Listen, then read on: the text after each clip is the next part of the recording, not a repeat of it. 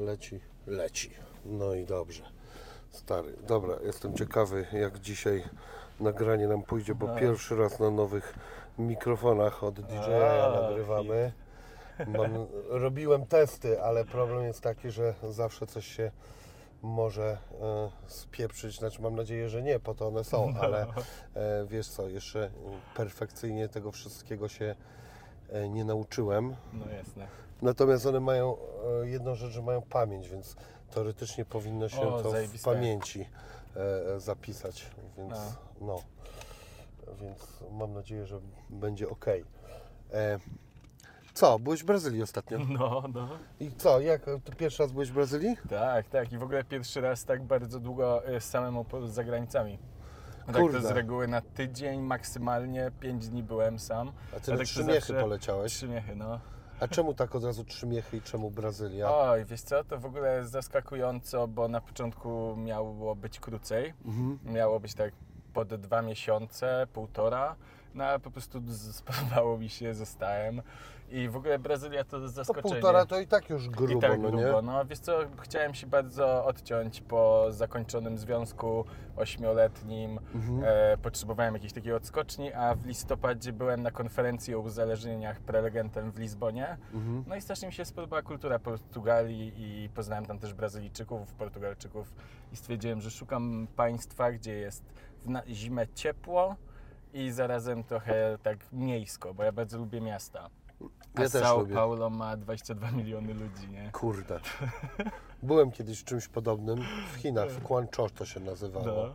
No, podejrzewam, że w ogóle niczym tego nie można porównać oprócz ilością mieszkańców, no nie? No. Ale po, no to się ciągnie i ciągnie. Tak, no, tak, dwa- tak. Ile jest w Warszawie ludzi? 2 miliony. Wiesz, wy- wy- wyobraź sobie, że w jednym mieście mieszka pół Polski. W jednym mieście. I dla nich w No. ogóle odległości, jeżeli ktoś mówi, że jest blisko, to znaczy, że godzina drogi na przykład. I to jest, Czaję. jesteś cały czas w obrzeżach miasta. Możesz jechać spokojnie, o tam idealnie wywiady byś robił. Możesz jeździć dwie godziny, a nadal jesteś w mieście i w ogóle nie wyjedziesz jeszcze z niego, nie? No tak. Więc masakra, no. No, a, a, ale ogólnie w Brazylii się zakochałem. Bardzo fajni, żywiołowi ludzie, bardzo energetyczni. Ja też miałem super moment, bo y, wtedy jak byłem, był karnawał. I wiesz, Uf. jak ci się kojarzy karnawał? No wiesz co, mi się kojarzy, że wszyscy są poprzebierani, biegają po e, tych, po e, ulicach. W załuku można dostać kosę w żebro, e, a e, no i nie wiem, pewnie wszędzie leżą prezerwatywy. Tak mi się kojarzy karnawał. Idealnie tak. Idealnie wszystko tak. Plus trzeba dodać, że oni zaczynają imprezę od 9 rano. E, Więc to nawet jest po prostu cały dzień to się ciągnie. I ja wcześniej myślałem, że karnawał to jest jakiś jeden tydzień, tam jak ten karnawał w Rio i wiadomo te parady i takie rzeczy. A to jest tak po prostu, że to jest mniej więcej 4, 5, 6 tygodni imprez w każdy weekend, bo na początku jest przygotowanie do karnawału, potem jest karnawał, potem jest takie z- pokarnawał. E, To jest normalnie jak jakaś dieta Dąbrowskiej. Najpierw wejście, potem sama dieta, potem wyjście. Nie, ale dok- dokładnie tak jest. No i oczywiście mega poprzebierani ludzie, tam w zależności, bo tak jakby było to w Warszawie, to każda dzielnica ma swoje karnawały w różnych momentach i tak dalej. I niektóre są tematyczne, czyli masz na przykład karnawał, nie wiem, z motywem zwierząt, więc ludzie ubierają się trochę jak zwierzęta wtedy, Okej. albo mają jakieś rzeczy. Jest jakiś karnawał z motywem postaci jakichś e, znanych. Więc ogólnie to wygląda fajnie i nawet przez to, że to jest po prostu 4, 5, 6 tygodni, to ci się nie nudzi, bo zawsze jest coś innego i ludzie się strasznie przykładają do tego. W, myślę, że parę miesięcy pracują nad tym, jakie stroje będą mieć na Oni karnawał. w ogóle nic nie robią, tylko cały czas się na ten karnawał szykują cały Ej, rok. A, ale wiesz co, trochę tak jest, trochę tak No. jest, to jest dla nich idealny moment. I, I w ogóle wiesz, jeszcze bardzo popularny jest brokat wtedy. Ja, ja się Okej. zakochałem w brokacie, nigdy w życiu nie miałem na, na sobie brokatu, i, i, bo ja nie, nie lubię mieć niczego na twarzy, bo ja się często pocę i mnie denerwuje, jak Mhm. mam coś na, na twarzy. Ale po prostu widzieć tysiące ludzi obrokatowanych, zajebista sprawa. A potem tylko zastanawiałem się, czy to jest. y, wiesz, trochę nieekologiczne raczej, bo to jest chyba taki mikroplastik, który wszędzie gdzieś tam później trafia z Ja wodą. pierdolę, życie jest nieekologiczne.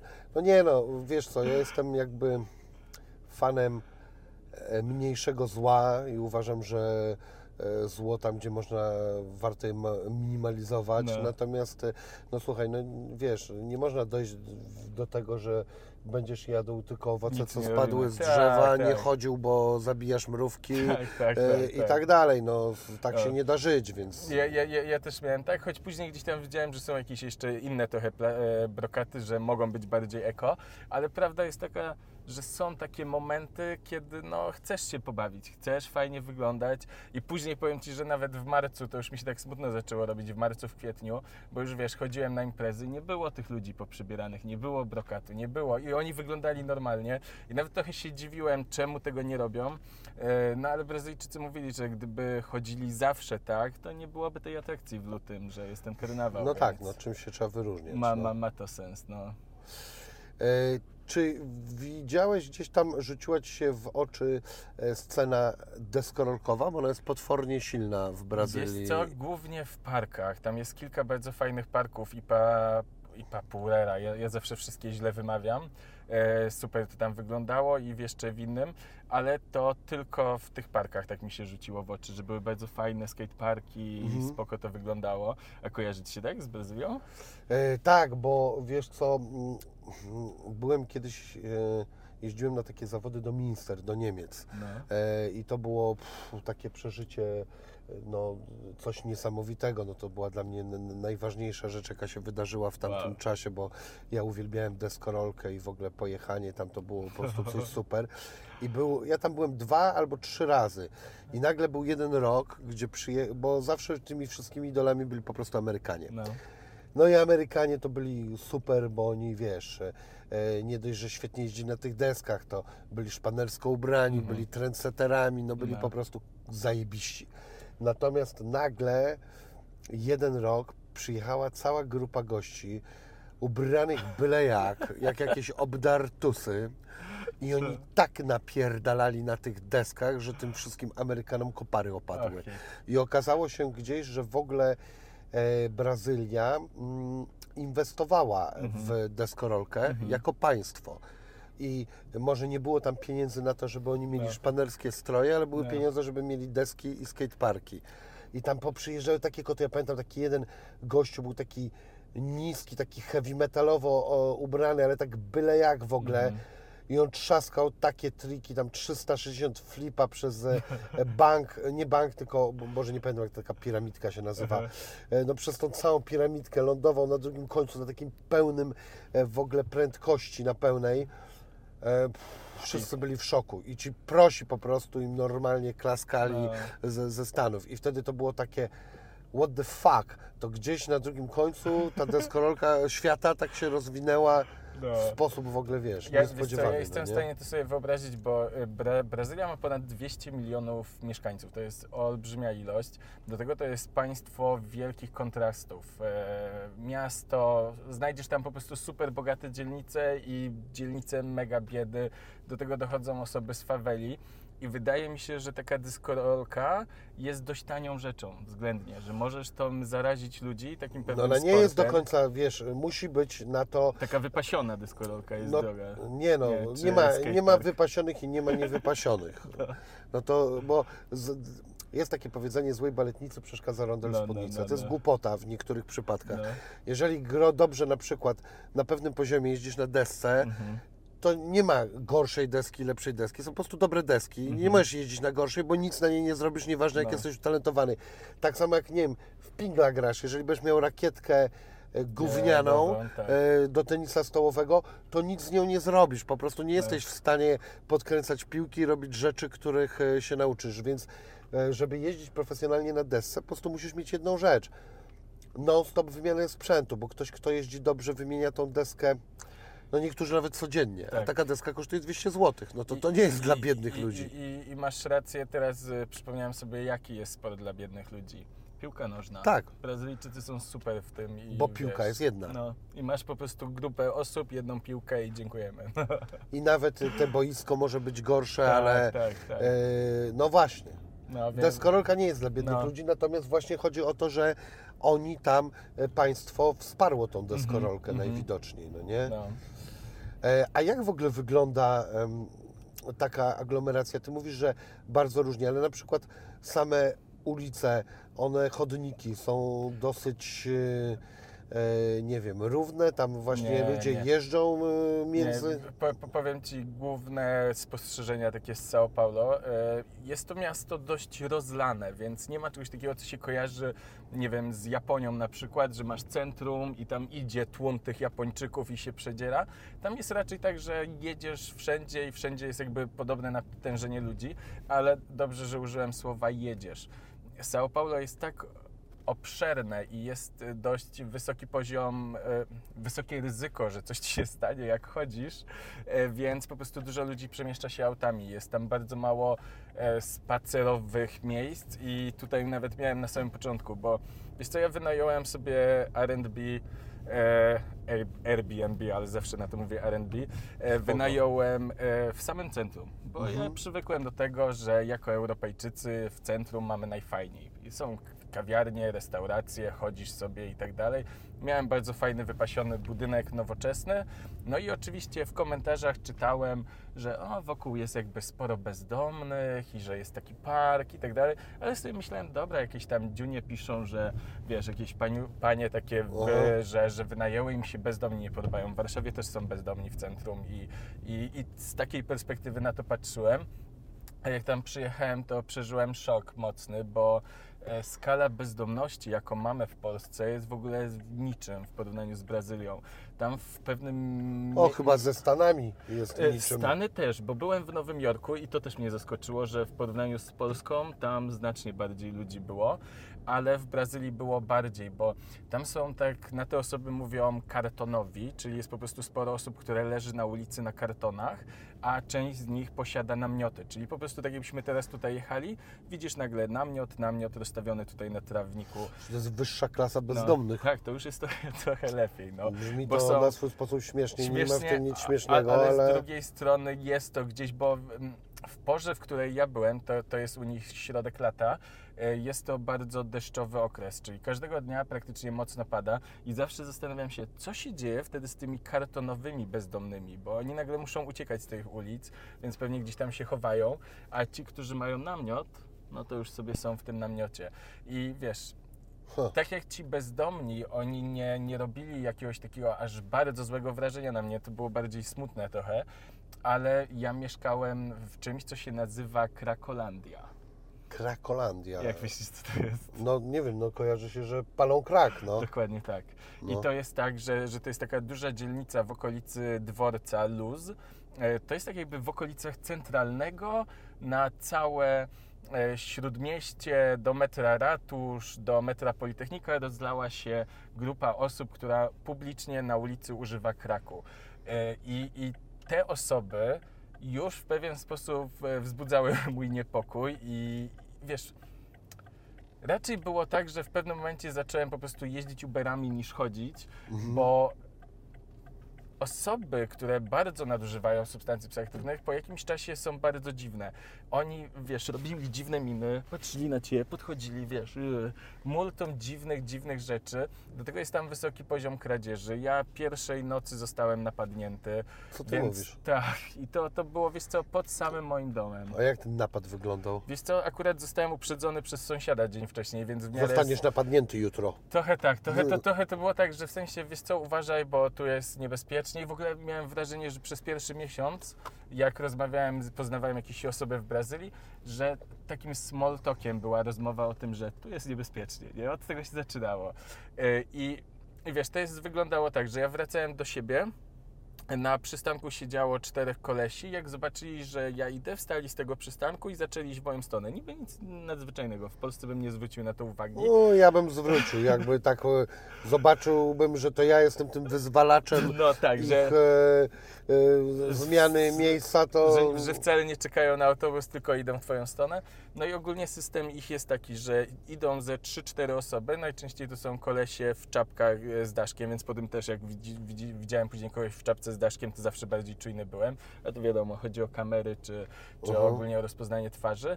Idą w Twoją stronę i jeżeli tego się nie spodziewasz, zależy im po prostu na ogłuszeniu Ciebie, żebyś upadł, zabierają Ci rzeczy i uciekają. Nic więcej nie chcą od Ciebie.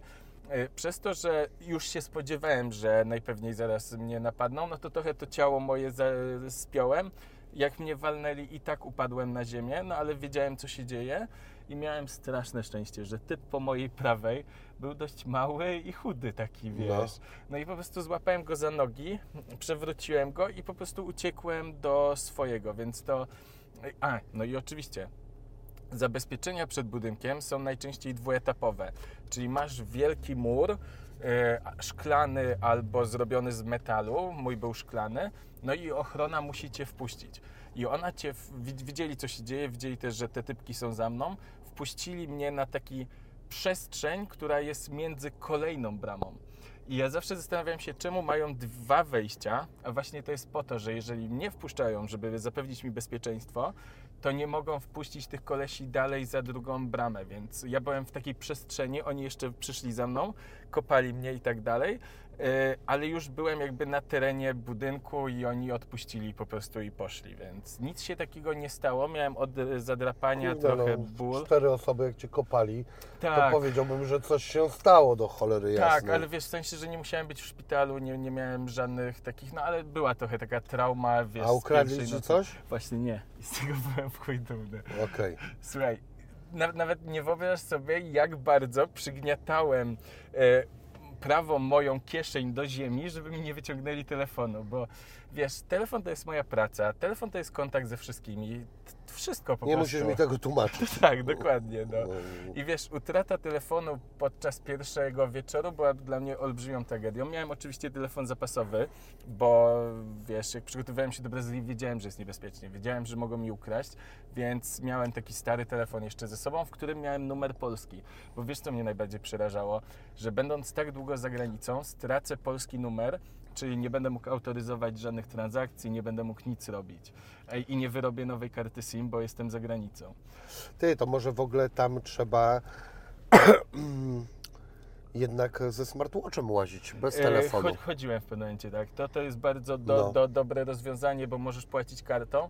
Powiem Ci tak, szczerze, No że... oprócz tego, że zdjęć nie możesz robić Tak. i kamerować ale może wtedy trzeba kupić osobną kamerkę, to ewentualnie... no, no, aż szkoda, to takie, ja bym się bał telefonu cholernie, no nie? No ja, ja, ja miałem tak, że na przykład następnego dnia wyszedłem ze starym telefonem, jak czasem szedłem na karnawał, to też poszedłem ze starym, tylko wiesz, biły się we mnie dwie rzeczy.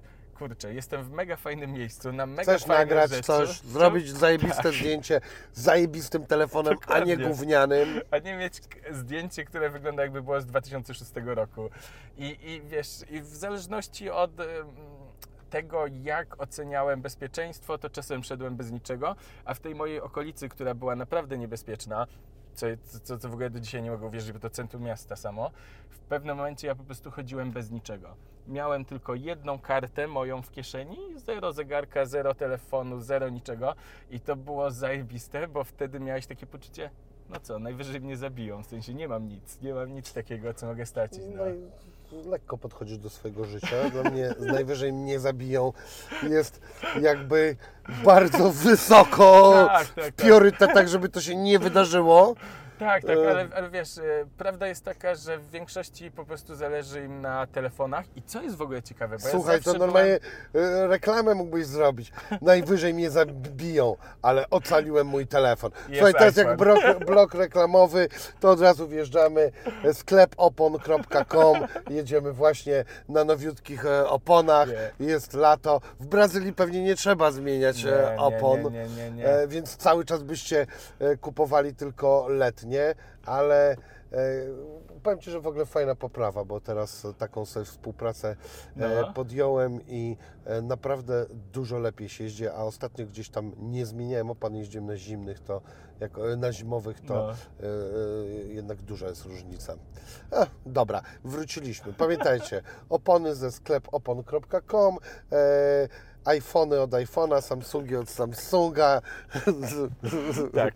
A, ale prawda jest taka, że dobry sprzęt to podstawa i tu niezależnie czy opony, czy telefon, ja, ja widzę tą różnicę, e, bo, bo wiesz co, ja zawsze jestem, byłem mega oszczędnym kolesiem i jeżeli coś kupowałem, bardzo długo nad tym myślałem, w sensie czasem rok, że o dobra, to chciałbym zmienić telefon.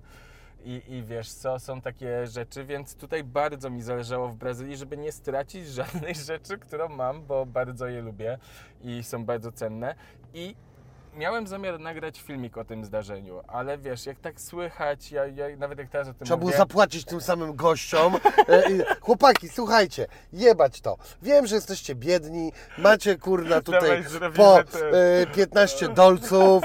Zróbcie takie, tego, tak okopiecie mnie, ale be, bez e, tego. był hit. Bez e, e, takiej hamowy. Czekajcie, jeden z Was z kolegów mógłby to nagrywać, tylko czekajcie, jak to zrobić? Nie, musisz swoim telefonem nagrywać, prześlesz mi WeTransferem, bo przecież wiem, że zajebiesz mi ten telefon, który Ci dam i uciekniesz, jebany debilu. Tak. Ale widzisz, właśnie wiem, co Ci chciałem powiedzieć o, o tym, że, że mam iPhone'a. I, zawsze jest przekonanie u nas w Europie, że iPhony raczej są niekradzialne. Nie, nie, nikt ich nie chce kraść, bo nie Gówno da się prawda. ich przerobić. Wszystko się da. Wszystko się da. I w Brazylii okazuje się, że to jest najcenniejszy sprzęt, który możesz komuś ukraść. Bardzo szybko zdejmują zabezpieczenia od razu. A wiesz, a nie wiem skąd Na to części przerabia e, ten, przerabiają zabezpieczenia, da się ściągnąć Tak, ze wszystkiego, pieprzenie. No. E, może, ja tam się nie znam, trudniej z czegoś tam, ale... Nie, o, oni to rozwiązali w bardzo, bardzo szybko. E, I, i, to jest naprawdę, wiesz, bo tam nikt nie nosi gotówki, to też jest ciekawe w ogóle. To, to, to jest państwo, w którym byłem chyba, które najbardziej płatności kartą przyjmuje. Każda osoba sprzedająca nawet dowolne rzeczy, typu jakieś e, napoje na ulicy albo cokolwiek, każda osoba ma swój terminal płatniczy, bo po prostu wszyscy płacą kartą, nie? Więc to, to, to jest mega zaskakujące. No i zegarek w takiej sytuacji okazywał się rewelacyjną sprawą, bo po prostu płacisz o, od razu. Ale wiesz, nie, nie nagrałem ostatecznie tego filmu, ani nie poprosiłem kolesi o na, nagranie, bo nie chciałem robić jakby złej famy na temat Brazylii aż tak bardzo i chciałem poczekać, co będzie po miesiącu, dwóch, trzech. No i wiesz, taka sytuacja mi się nie trafiła ponownie. Nie, nie, nie jest tak, że A każdego... nie napadło Cię czterech gości, ale wręczyli Ci kwiaty, kurwa, i bombonierki To brazylijskie. by było super. O, Mestosław, co tu u nas? Masz tutaj ten. Mamy takie cukierki E. brazylijskie, bardzo smaczne. Co E. myślałeś, że będziemy kopać? Nie! Co ty? Co ty? To wcale nie. Teraz jest karnawał, to Tak. wiesz, ale prawda jest taka, że podczas karnawału było bardzo łatwo zobaczyć, którzy ludzie przyszli tam do pracy, a którzy do zabawy, no. Więc to jest Ale co to prostu... znaczy do pracy, do zabawy? Bo No do pracy znaczy kradzieży. A, do takiej pracy. No bo No. ja zakładam, że tam jest część ludzi, którzy też przychodzą do pracy na zasadzie ci O, cansterze oczywiście. i, i tak dalej. To, też ich praca. To muzycy, bo fajne jest to, że jest muzyka na żywo cały czas, ale naj, naj, najbardziej chyba tam pracują osoby z takimi wózkami wypełnionymi napojami i lodem yy, i z parasolem takim, bo wiesz, karnawał się przemieszcza i te osoby mają te wózki i sprzedają tam napoje alkoholowe w tym. Yy, albo też mają różne inne rzeczy, jedzenie i tak dalej. I to zawsze było ciekawe do obserwowania, bo to jest naprawdę trudna robota, bo musisz się przedzierać przez tłum e, c- cały czas w tym. No i też zastanawiałem się, bo my nie mamy aż tak bardzo wesołych parad w Polsce albo jakichś przemarszy. I ten alkohol jako Bo, Boże używka- ciało, to jest najzajebistsza impreza. A ostatnio rozmawiałem ze znajomymi o tym, że to jest chyba jedyna wesoła taka, taka że wiesz. Jaka wesoła, przecież to jest kurna tak dołująca. Co jest dołującego w Bożym Ciele? Tam są e, brzuski... Mo, molowe e, melodie, e, poczucie winy nieskończone, e, cała masa jakichś chorych typów w sukienkach mówiących o tym, że mają telefon do stwórcy wszystkiego. Nie no, mogę No wymieniać dobra. w nieskończoność Ale to, człowieku. to podałeś całą religię, ale jak masz do wyboru drogę krzyżową i Boże Ciało... O, to, droga krzyżowa jeszcze.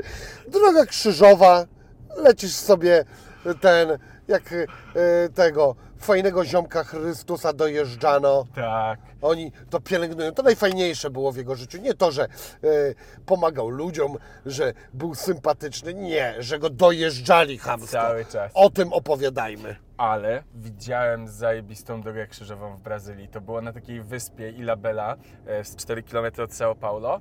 I aż, aż się zatrzymałem, bo to po prostu było nad plażą jakiś wielki Jezus, nagle metalowy, wszystko. Ja tak, o co tu chodzi?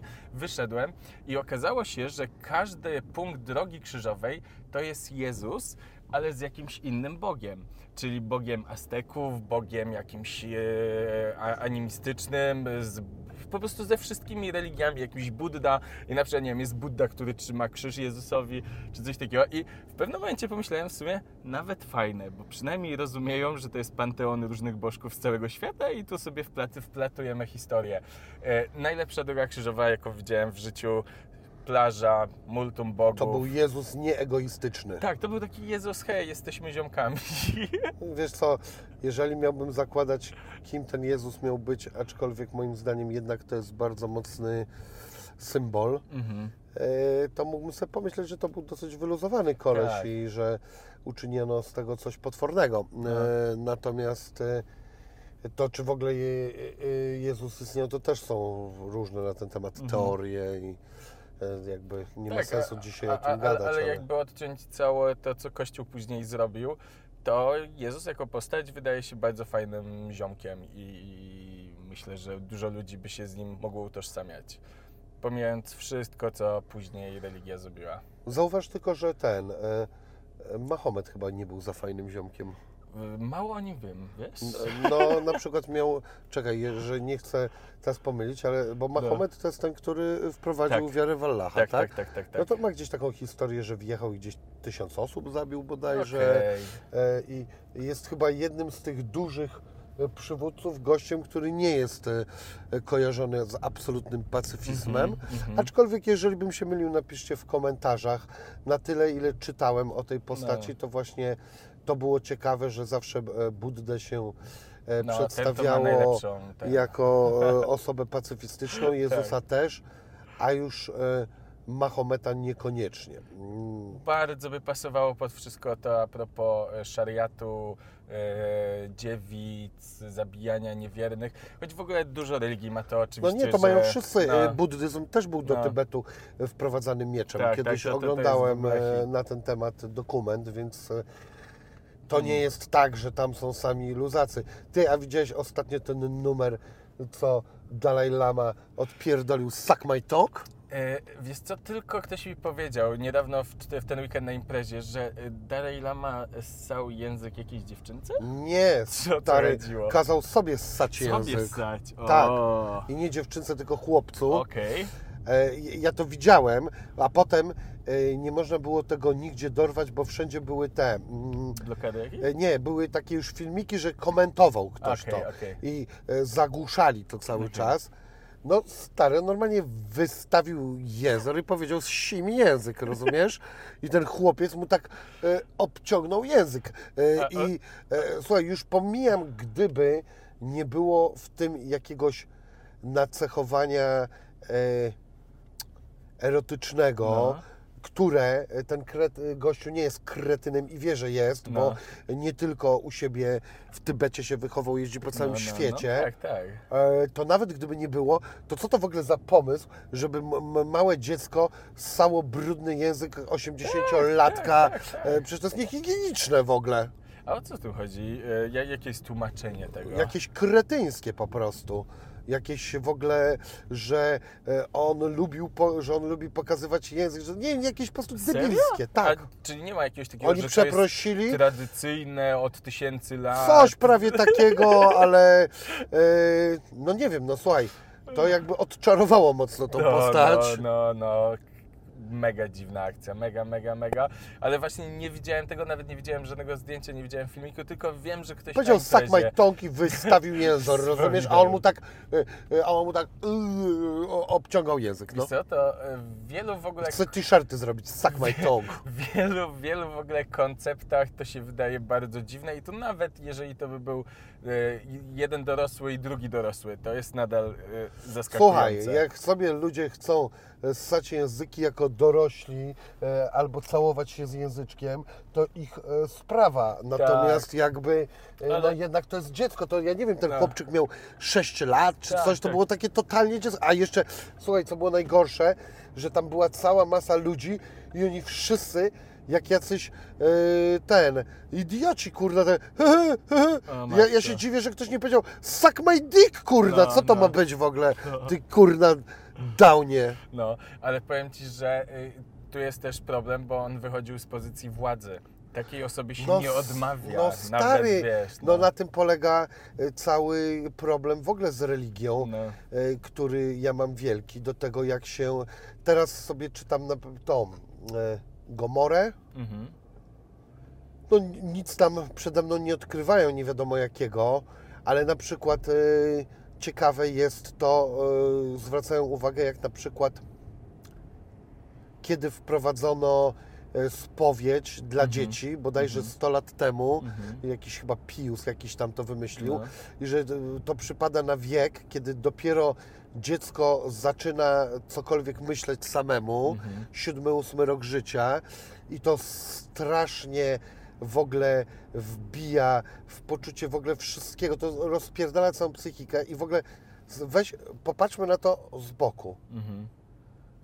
Dorosły koleś, nieważne, 30, No. 40-letni, każe opowiadać o swoich, często nie żadnych grzechach, tylko intymnych rzeczach. Przecież e, 7-8 lat to jest jakieś w ogóle e, pierwsze e, momenty, no już nie jestem seksuologiem, ale tam podobno noworodki potrafią mieć zwód, ale chodzi mi o to, że to jest pierwsze jakieś momenty, gdzie się dziecko swoim ciałem interesuje coś takiego i oni mu nagle każe opowiadać, czy mu fiutek stanął, czy nie, czy się za niego złapał, No. czy nie.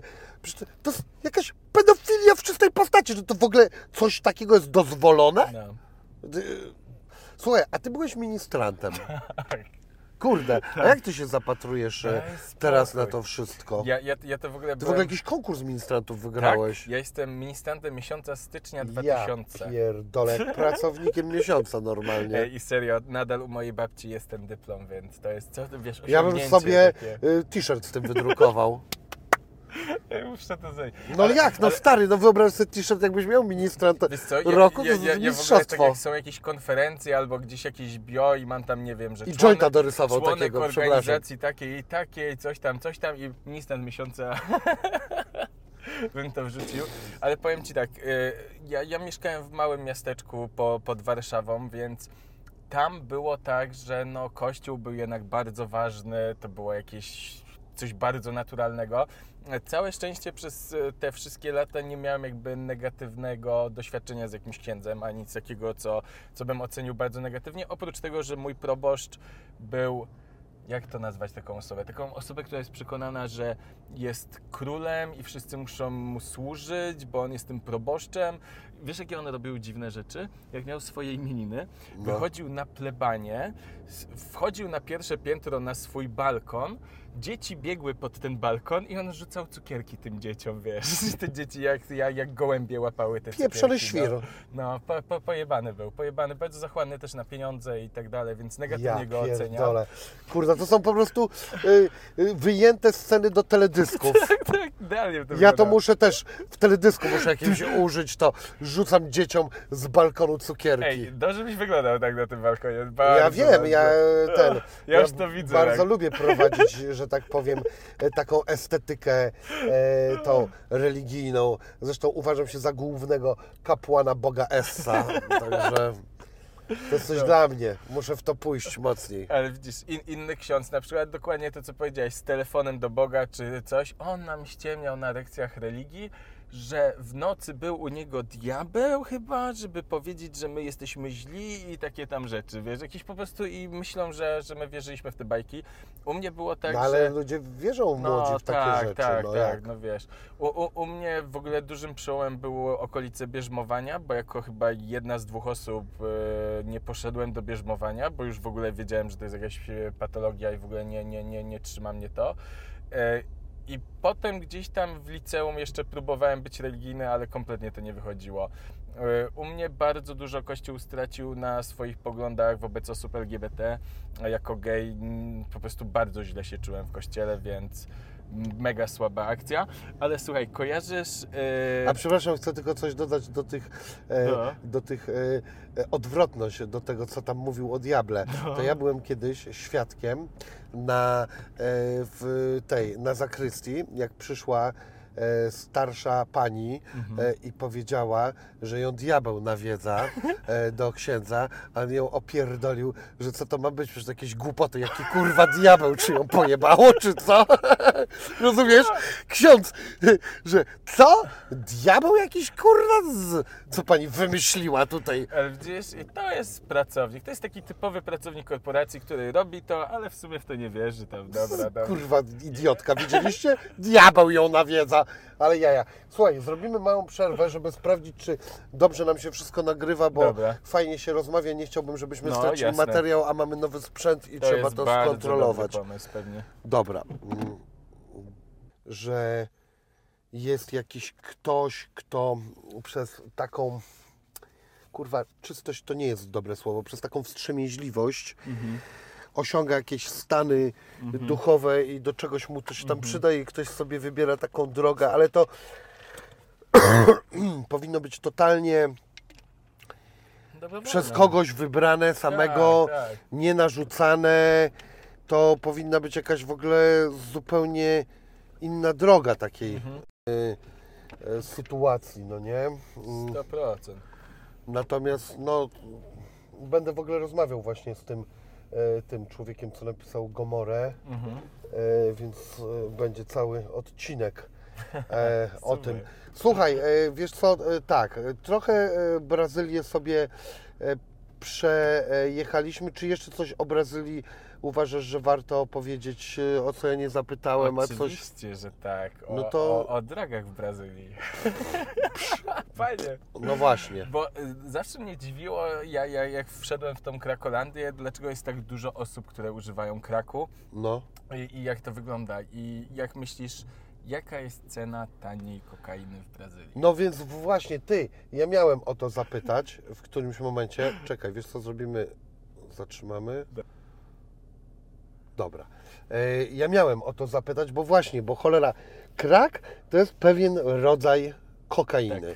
A przecież kokaina jest cholernie droga. Dokładnie. Dlaczego cholera jasna, biedni narkomani Mhm. Każdego biorą dnia. najdroższy drak? Każdego dnia i tak dalej.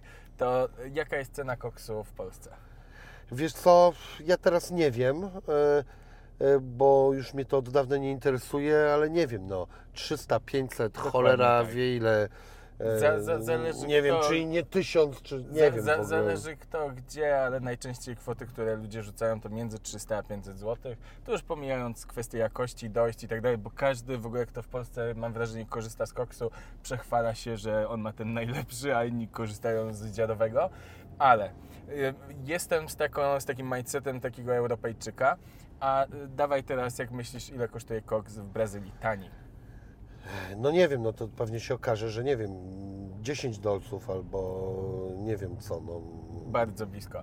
Mniej więcej y, koło 20 zł dajesz i masz koksik. No to 5 Taki- dolców to tak. jest nawet mniej, tak, bo teraz bo, ile bo jest co, bo to jest ten tani. Tak, e, taki lepszy to musisz dać z 50 zł na przykład, ale to już masz taki najlepszy, nie?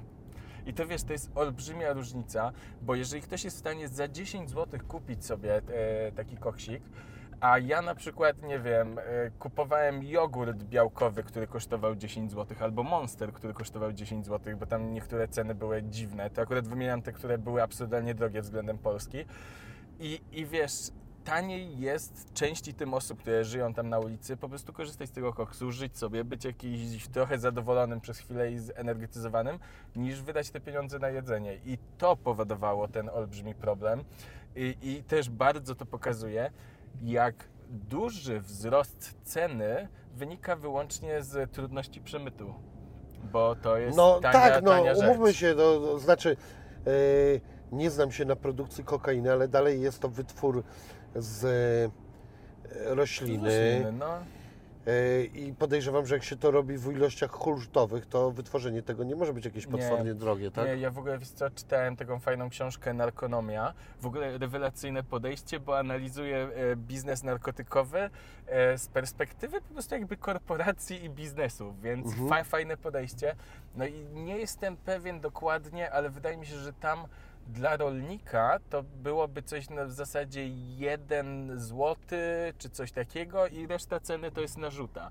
I, I tam w ogóle była fajna analiza tego, jak można by y, poprawić życie rolników uprawiających te rośliny, no i w dużej mierze wynikało, brak poprawy tego życia wynikał z monopolu. Bo najczęściej nad danym rejonem jedna mafia ma kontrolę, więc jeżeli masz jedną osobę, która jest w stanie od Ciebie to kupić, no to bierzesz, dostaje, płacą Ci To, co tyle, ile dadzą. dadzą. No. To ile kosztowało według tej książki e, wyprodukowanie, nie wiem, grama czy kilograma e, kokainy? To właśnie co, coś takiego było, że y, jakby jeden, jedna złotówka w cenie kokainy to jest koszt produkcji przez rolnika i te osoby, które tam produkują. To, to mniej więcej coś w tym stylu. Ja, ja musiałbym to sprawdzić w książce. A i- marihuany?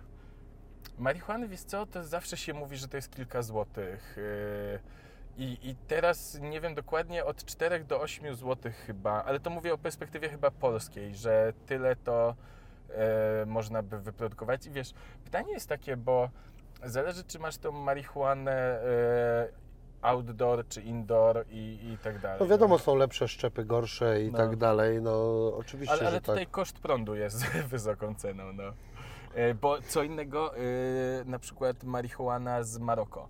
Ona jest znacznie tańsza, bo po prostu rośnie naturalnie i nie musisz budować hali i tak No dalej. tak, no bo jest e, naturalnie. Więc e, tamta to może być klimat. super, super tania, no.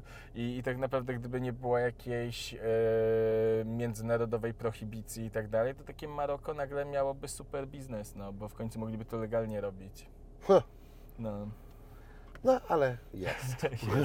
Ale wiesz co też zauważyłem... e, A poza tym nikt nie powiedział, że jak nie będzie, to im to pozwolą, bo przecież zawsze banda cwaniaków jeszcze jest, jest w kolejce do, do, tego, żeby to oni mogli robić. Dalej chyba w Polsce marihuana medyczna nie może być produkowana w Polsce, tak? Panie, to jest hit w ogóle. E, Czy PiS, PiS, what the fuck? PiS ostatecznie zgodził się na możliwość uprawy medycznej marihuany przez instytuty naukowe, czyli mamy tak naprawdę jeden taki, Instytut Włókien Naturalnych i Roślin Leczniczych czy ziel- Zielarskich w Poznaniu.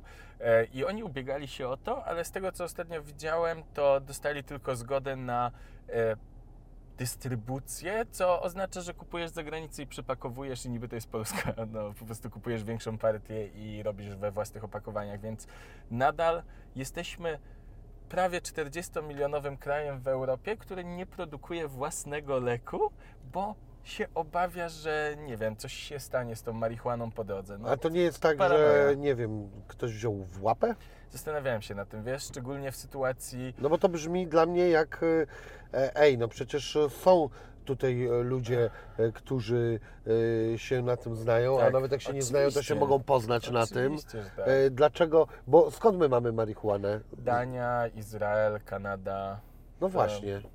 Wiesz, nie pamiętam, które państwo było pierwsze, które nam dawało, czy Kanada, czy Izrael. Jest trochę tak, że mogło być tak, że lobbyści zagranicznych firm na przykład mogliby bardzo lobbować za tym, żeby nie było tej polskiej, ale wydaje mi się, że jednak to wynikało z obaw, że będzie to wyciekać. Że, że, że nie będziemy poddawać tego kontroli jakiejś.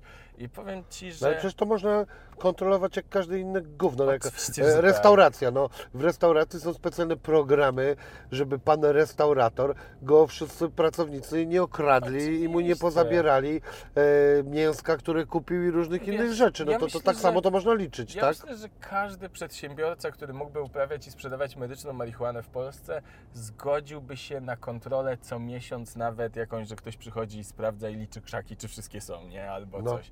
Albo ile wyszło, ile poszło. Każdy by się na to zgodził, wpisałby to w koszt działalności i, i tyle by z tego było. I wiesz, jesteśmy w sytuacji, że w Polsce bez problemu produkujesz e, pewnie leki opioidowe. Nie, nie wiem, czy firmy farmaceutyczne w Polsce to robią, ale raczej tak, bo mamy generyki. Produkują inne leki psychotropowe. Wszystko to gdzieś tam chodzi, działa i, i nikt się tym jakoś bardzo nie przejmuje. A tu nagle ta jedna roślina jest w pełni przeraża to, że, że nagle gdzieś to wycieknie. No i jest to coś, co moim zdaniem szybko się nie zmieni, bo były ustawy w Sejmie przez Parlamentarny Zespół do Spraw Legalizacji przygotowane, które PiS odrzucił e, razem z posłami Kukiz i częścią Konfederacji. I, I dla mnie to było e, zaskoczenie, bo tamta ustawa dawała możliwość każdemu przedsiębiorcy, który już uzyskałby licencję produkcji i sprzedaży. I to jest dokładnie to, co powiedziałem teraz a propos e, rynku. Jeżeli masz monopol, to jest zawsze beznadzieja. Znaczy beznadzieja dla klienta, dla monopolisty super. Ale dopiero kilka firm, które w Polsce by rywalizowały ze sobą, mogły poprawić jakość, ceny i wszystko. No. A oni tam jakieś było też pieprzenie jakiejś stabilizacji Mhm. e, i że to podawano jako e, przykład. Ja kiedyś rozmawiałem z Leroyem bodajże No. e, i znaczy nie przykład, tylko powód. I on mi coś mówił, że kwestia są stabilizacji danego szczepu i że Okej. Żydzi lepiej je stabilizują Mhm. i dlatego Izrael właśnie wchodzi na wiele rynków. Mhm. To jakieś pieprzenie, czy to prawda, czy jak ty Wiesz się co, na to na, na, na zapatrujesz? pewno i standaryzacja leku i ogólnie to, to jest w ogóle też zaskakujące, ale bo to jest roślina, którą jest trudno kontrolować, więc pod ten medyczny musi być bardzo, bardzo poddana.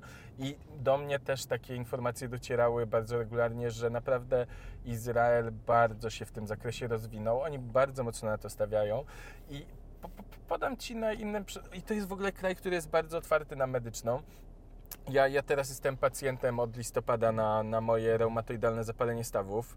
E, jeszcze mi tu zostało trochę palca. Nie wiem, czy widzisz? Widzisz. Nie, Nie. domyka się.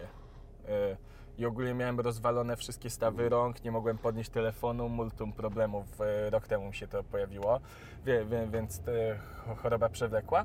No i medyczna mi pomaga, działa przeciwzapalnie i tak dalej. Więc dla mnie bardzo ciekawym doświadczeniem było to, jak w końcu pierwszy raz do apteki poszedłem legalnie sobie kupić, dałem, e, podałem kod z recepty, no i akurat byłem w Złotych Tarasach i strasznie mi się podobało, że na tych okienkach, gdzie są ci farmaceuci, było takie wielkie logo marihuany i, i zapytaj farmaceutę o medyczną marihuanę. No ja tak, wow, gdzie ja nagle jestem? No. Co się dzieje?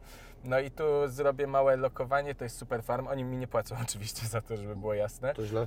tak, powinni.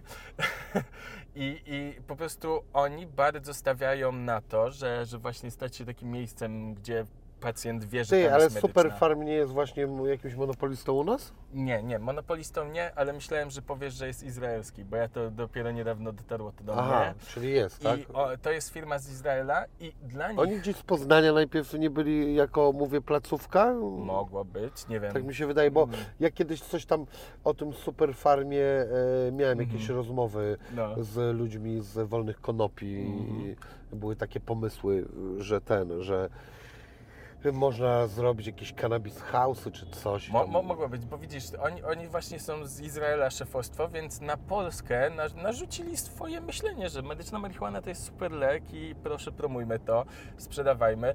Mogą po jakimś czasie stać się liderem. Tam jeszcze inne widziałem Dr. Max czy coś, parę jakichś sieciowe, sieciowych aptek zaczyna na to stawiać i to jest, wiesz, wygodne dla pacjentów, bo jeszcze jakiś czas temu były sytuacje, że musiałeś chodzić po aptekach albo dzwonić i pytać, a teraz raczej wiesz, że w tych sieciowych albo w jakichś innych znajdziesz tą medyczną E, i w ogóle to, że mamy w Polsce medyczną jest moim zdaniem bardzo dużym przełomem. Co, czymś, co naprawdę zmienia myślenie o, o marihuanie, ale nadal jest sporo mitów w tym zakresie. Multum ludzi, z którymi rozmawiam, uważa, że medyczna to jest CBD e, i te susze, które Naprawdę? są w sklepach. Serio, nadal. Mimo, że 5 lat minęło. Ciekawostka. To jest w ogóle dla mnie mega zaskakujące. Mm, I, I jest tak trochę z tym, że wydaje mi się, że prawo u nas w Polsce szybko się nie zmieni, jeśli chodzi o dekryminalizację w ogóle substancji. No właśnie, a to jest no. ten, ten ciekawy temat, bo najfajniejsza rzecz by była, jakby można było sobie, nie wiem, cztery krzaczki uprawiać w domu e, i byłby święty spokój. Nie musisz e, tego, e, nie wiem, aloes możesz sobie uprawiać, tak? No. Pomaga na rany. No. E, I sobie kaktusa sadzisz Tak. i nikt się nie przypierdala do ciebie o Tak, nic. tak, 100%, 100%. A tu sobie możesz e, się wykwalifikować jako domowy grower, e, nauczyć Tak. się e, tego, żeby ten, żeby mm, właśnie no, samemu sobie to zrobić. A dzisiaj, co, co dzisiaj grozi, jakbyś miał krzak jeden nawet w tym, w domu? Wiesz co, ale mnie zatkałeś teraz, bo nie jestem pewien ile lat, ale chyba 3 lata. 3 lata Trzy lata Musiał, musiałbym... pierdlu, trzy lata ukradzenia komuś życia za pierdolone jebane nic. Musiałbym to sprawdzić, bo wiesz co, tam jest Pewnie kilka... jak kosę komuś ożenisz, żeby go z portfela skroić, to też się okaże, że są trzy lata. Wiesz, że to jest coś takiego jak gwałt na przykład. Chyba też masz 3 lata albo ileś. Są, są ogólnie tak, takie sytuacje, że jak kiedyś sobie porównywałem, co grozi za posiadanie, suszenie, przetwarzanie czy produkcję, to są czasem kary, które... Idziesz sobie przez miasto mówisz, kurwa, zjarać się czy zgwałcić kogoś? No. Co No. e, lepsze? Bo o, takie same mnie e, czekają za to konsekwencje. No. Nie wiem, cholera jasna, kurde, najchętniej bym się zjarał i kogoś zgwałcił, ale to już podwójnie się liczy. To nie, tylko jedna przyjemność. No, ale to jak w tych, tych, te, te teraz powiedzą, już widzę nagłówki w mediach, wini, najchętniej bym się zjarał i kogoś zgwałcił. Słuchaj, nie, w żadnych mediach o mnie nie piszą, to po pierwsze, po drugie, e, chyba każdy, kto jest o zdrowych zmysłach, e, rozumie e, też e, komediowy wydźwięk mojego Pewnie, programu. Oczywiście, nie? że tak, ka, ka, każda z tych rzeczy i to widać było, ale a propos mediów, to Ci się muszę pochwalić. Miałem nagłówek w Super Expressie e, niedawno, mega przystojny gwiazdor. Nikt o mnie w życiu tak nie powiedział. Po prostu płakałem ze śmiechu, jak to przeczytałem, bo pierwszy raz jakieś media napisały o mnie w kontekście wyglądu i dostałem mega przystojny. Więc teraz moi, moi znajomi... Ale to było teraz w kontekście tego coming outu Tak, całego? tak, tak, tak, Aha. tak, tak. I, i, I to było mega fajne, bo po Super Expressie nie spodziewałbym się pozytywnego artykułu, tak trochę, tak nie wiem, nie kojarzyło mi się to medium jakoś, tak? A To był- nie jest Super Express, to jest coś podobnego do faktu? Trochę tak, trochę tak. To Czy jest to takie... jest okropna, wstrętna podła gazeta? Trochę, nie, nie wiem jak teraz, ale tak z przeszłości mi się kojarzyło, że to jest raczej dla prostych osób, bardzo krzykliwe, bardzo, wiesz, skandalizujące i tak dalej. A tu było bardzo fajnie, mega przystojny gwiazdor, zrobił coming out, potrzebny i wzruszający. Co było w ogóle wszystko Aha. pozytywne w tytule i w, w artykule, więc y, chyba ktoś mnie tam lubi w tym Super Expressie.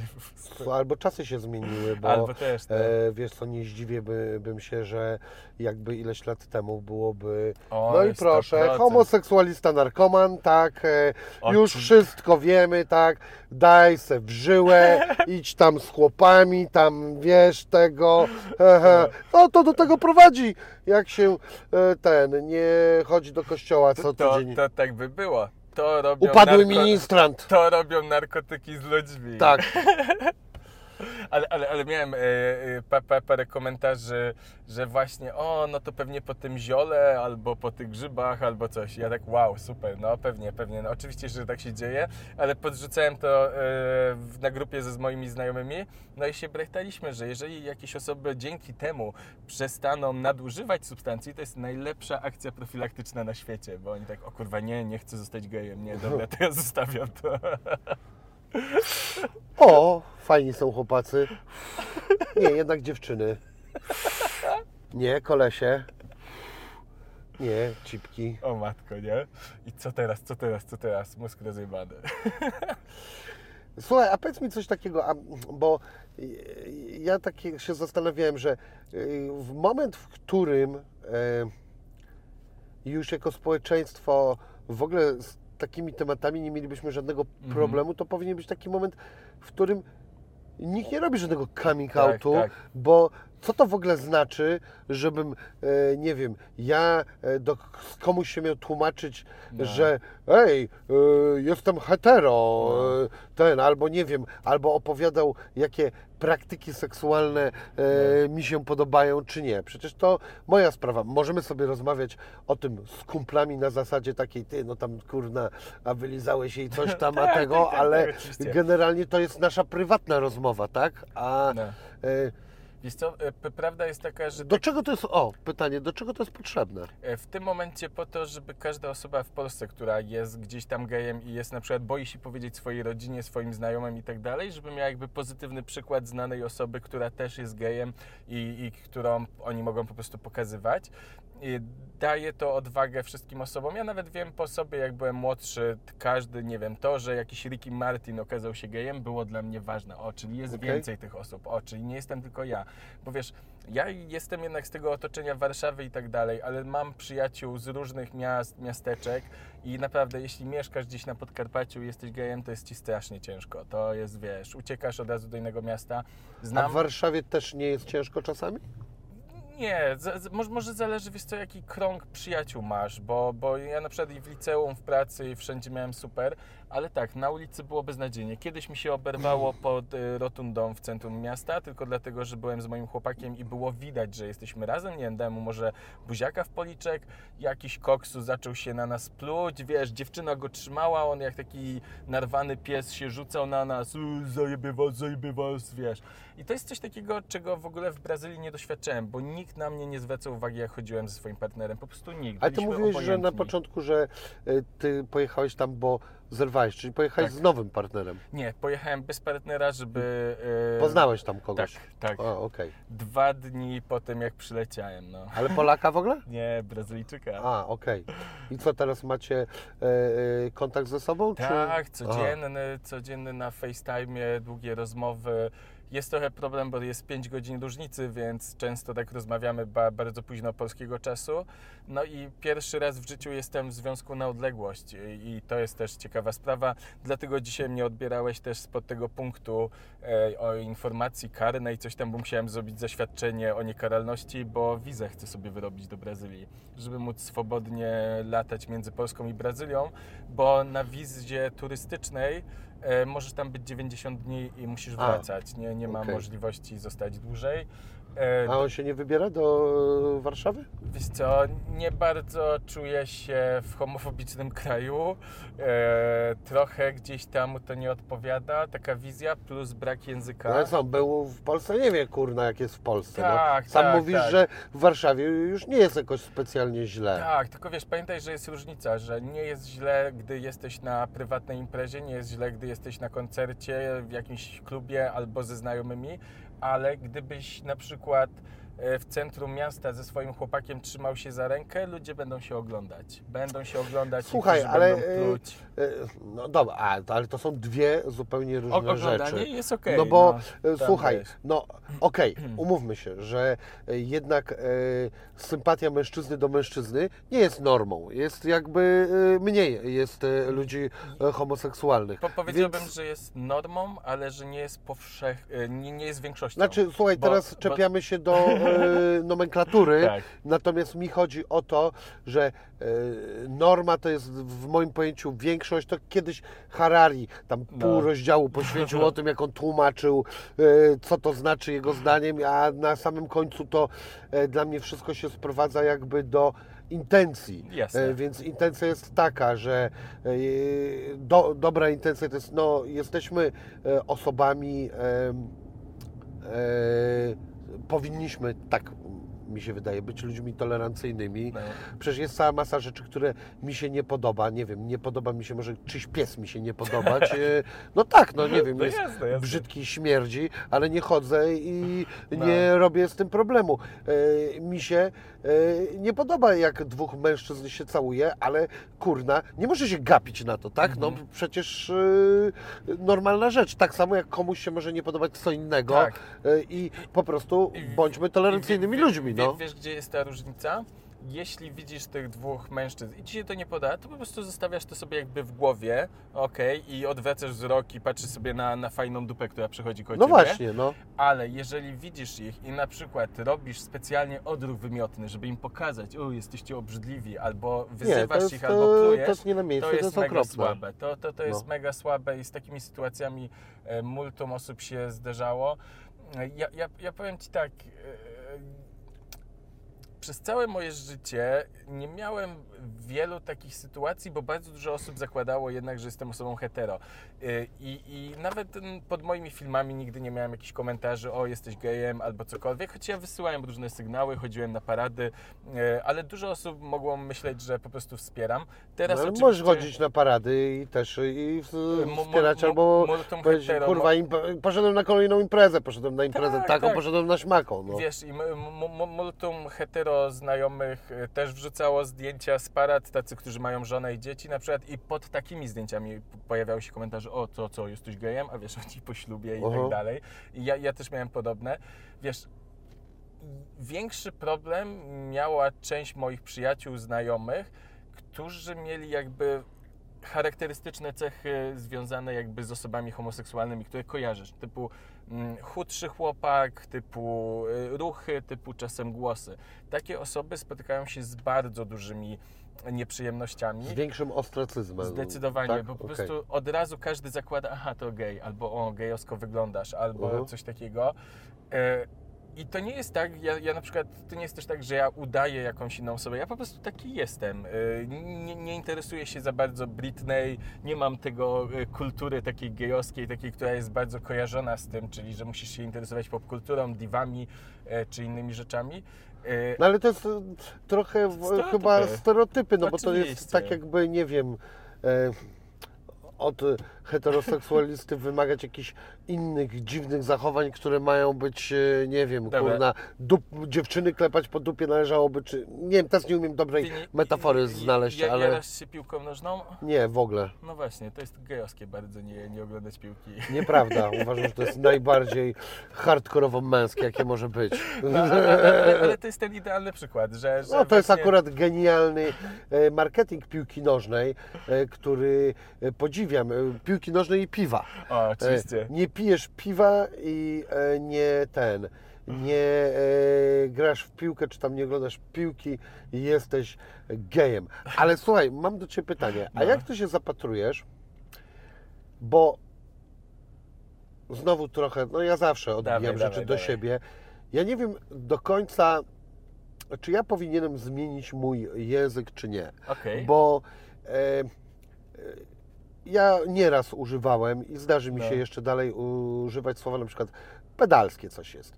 I właściwie tak naprawdę nigdy nie miałem pod tym słowem zna, e, w myśli, że homoseksualne, tylko jakieś słabe, drętwe Mhm. e, i to to słowo dla mnie znaczy. Okej. I na przykład czy ty też używasz takich słów? Czy tobie to przeszkadza? Czy e, jak ty się na to zapatrujesz? Wiesz co, to ja mam idealny przykład i, i w ogóle wydaje mi się, że będziesz musiał wypipkać to słowo e, w tym wywiadzie i zapamiętać, w którym momencie to było, bo ja użyłem tego słowa w moim filmie o coming outie i miałem blokadę YouTube'a i ja nie wiedziałem w ogóle o co chodzi, dlaczego, bo ja to użyłem w przykładzie komentarzach, z którym się spotkałem, że, że ktoś tak by po, napisał, że Mesto nie przybywaj z tymi y, y, y, bo się z tobą źle zaczyna robić. I dla mnie to było takie, negatywnie oceniłem ten komentarz i okazuje się, że to jest negatywnie oceniane bardzo przez YouTube, co dla mnie było zaskoczeniem, bo dla mnie nie jest to jakby bardzo złe słowo takie. Ja nie biorę tego jakoś bardzo negatywnie. E, Rozumiem, że może to wiele osób obrażać i w tym momencie nie używam, ale też jest trochę co innego w sytuacji, kiedy gej mówi do innego geja i wtedy to jest trochę tak jak z osobami czarnymi w Stanach Zjednoczonych, że możesz sobie No, bardziej wiem. pozwolić. Eee, kurde, wiesz co? Ja jestem skory No. do tego, żeby zmieniać e, e, mój światopogląd. No. Nie, na pewno czym jestem starszy, mam mniejszą ochotę, żeby e, gdzieś e, e, być taką osobą e, agresywną e, w mowie, czy żeby komuś e, przeszkadzać. Natomiast jednak boję się, że na drugiej, na, z drugiej strony jest to, że my tak wszystko wyrównamy, Mhm. że w którymś momencie będziemy tak poprawni Mhm. politycznie, że się pożygamy. W tym momencie nie ma miejsca na stand-up, Mhm. nie ma miejsca na e, rap, e, na całą masę różnych hardkorowych przejawów sztuki, gdzie e, wiesz, e, mm, gadałem kiedyś z battle raperem, no nie, Mhm. który e, jedzie od gejów, od wszystkiego, wszystkim, kurna, i ja mówię, no, no wiesz, coś tam, e, e, gejostwo nie jest chyba za dobrze postrzegane w hip-hopie. Czemu nie? Ja mam to gdzieś. To jest tylko mój środek wyrazu w trakcie tej walki, kiedy to robię i po prostu tak sobie to używam, y, bo to jest ten moment, no y, coś innego, No. no tak jak, nie wiem, bijesz się na ringu, to nie znaczy, że będziesz bił ludzi na ulicy Y, i no i on sam jakby pokazał się jako osoba, która nie jest żadnym homofobem, natomiast e, w ringu używa tych e, stwierdzeń, bo wie, że one działają, bo wie, że ktoś się śmieje. Ja się zastanawiam, czy my to powinniśmy wyciąć, czy cholera... Jest to, ja, ja, ja w pełni jestem. Jeżeli to jest jakby humorystyczne, stand-upowe, nawet w kulturze gejowskiej bardzo mocnym i silnym akcentem są drag queenki, i, i które prowadzą e, bardzo humorystyczne mm, programy No albo w właśnie, klubach. no sami I- z siebie umiejmy się śmiać, o, no one nie? są po bandzie, one są po prostu najmocniej jak się da, żeby po prostu. Więc to jest. e, Ja, ja, ja jestem za tym, wiesz. Tylko też to jest różnica, jeżeli to jest jakby pewna sztuka, kultura, albo ogólnie osoby, które mają odpowiedni jakby światopogląd i używają to w pewnym jakimś kontekście, a inaczej jest, jeżeli ktoś po prostu ci jebie takim komentarzem albo po prostu w twarz. No i właśnie chodzi o obrazić. intencje. Tak, 100% Intencje. To jest to. No. E, A czekaj, był taki film, dwie części, ale druga była beznadziejna. E, czekaj, Anioły z Bostonu, czy A, wiem, wiem, zajebista komedia? Nie wiem. Ale czy nie dobrze obejrzałem tego, ale ko- ko- kojarzę to. No i tam jest postać, w ogóle świetna, e, e, tego e, policjanta, który Aha. jest homoseksualistą e, i jest takim kozakiem, w cholerę roz, zajebiście rozwiązuje w ogóle sprawy. Aha. Jest taka świetna scena, jak on się budzi ze swoim kochankiem Aha. i on tak wstaje i wypierdalaj ty cioto.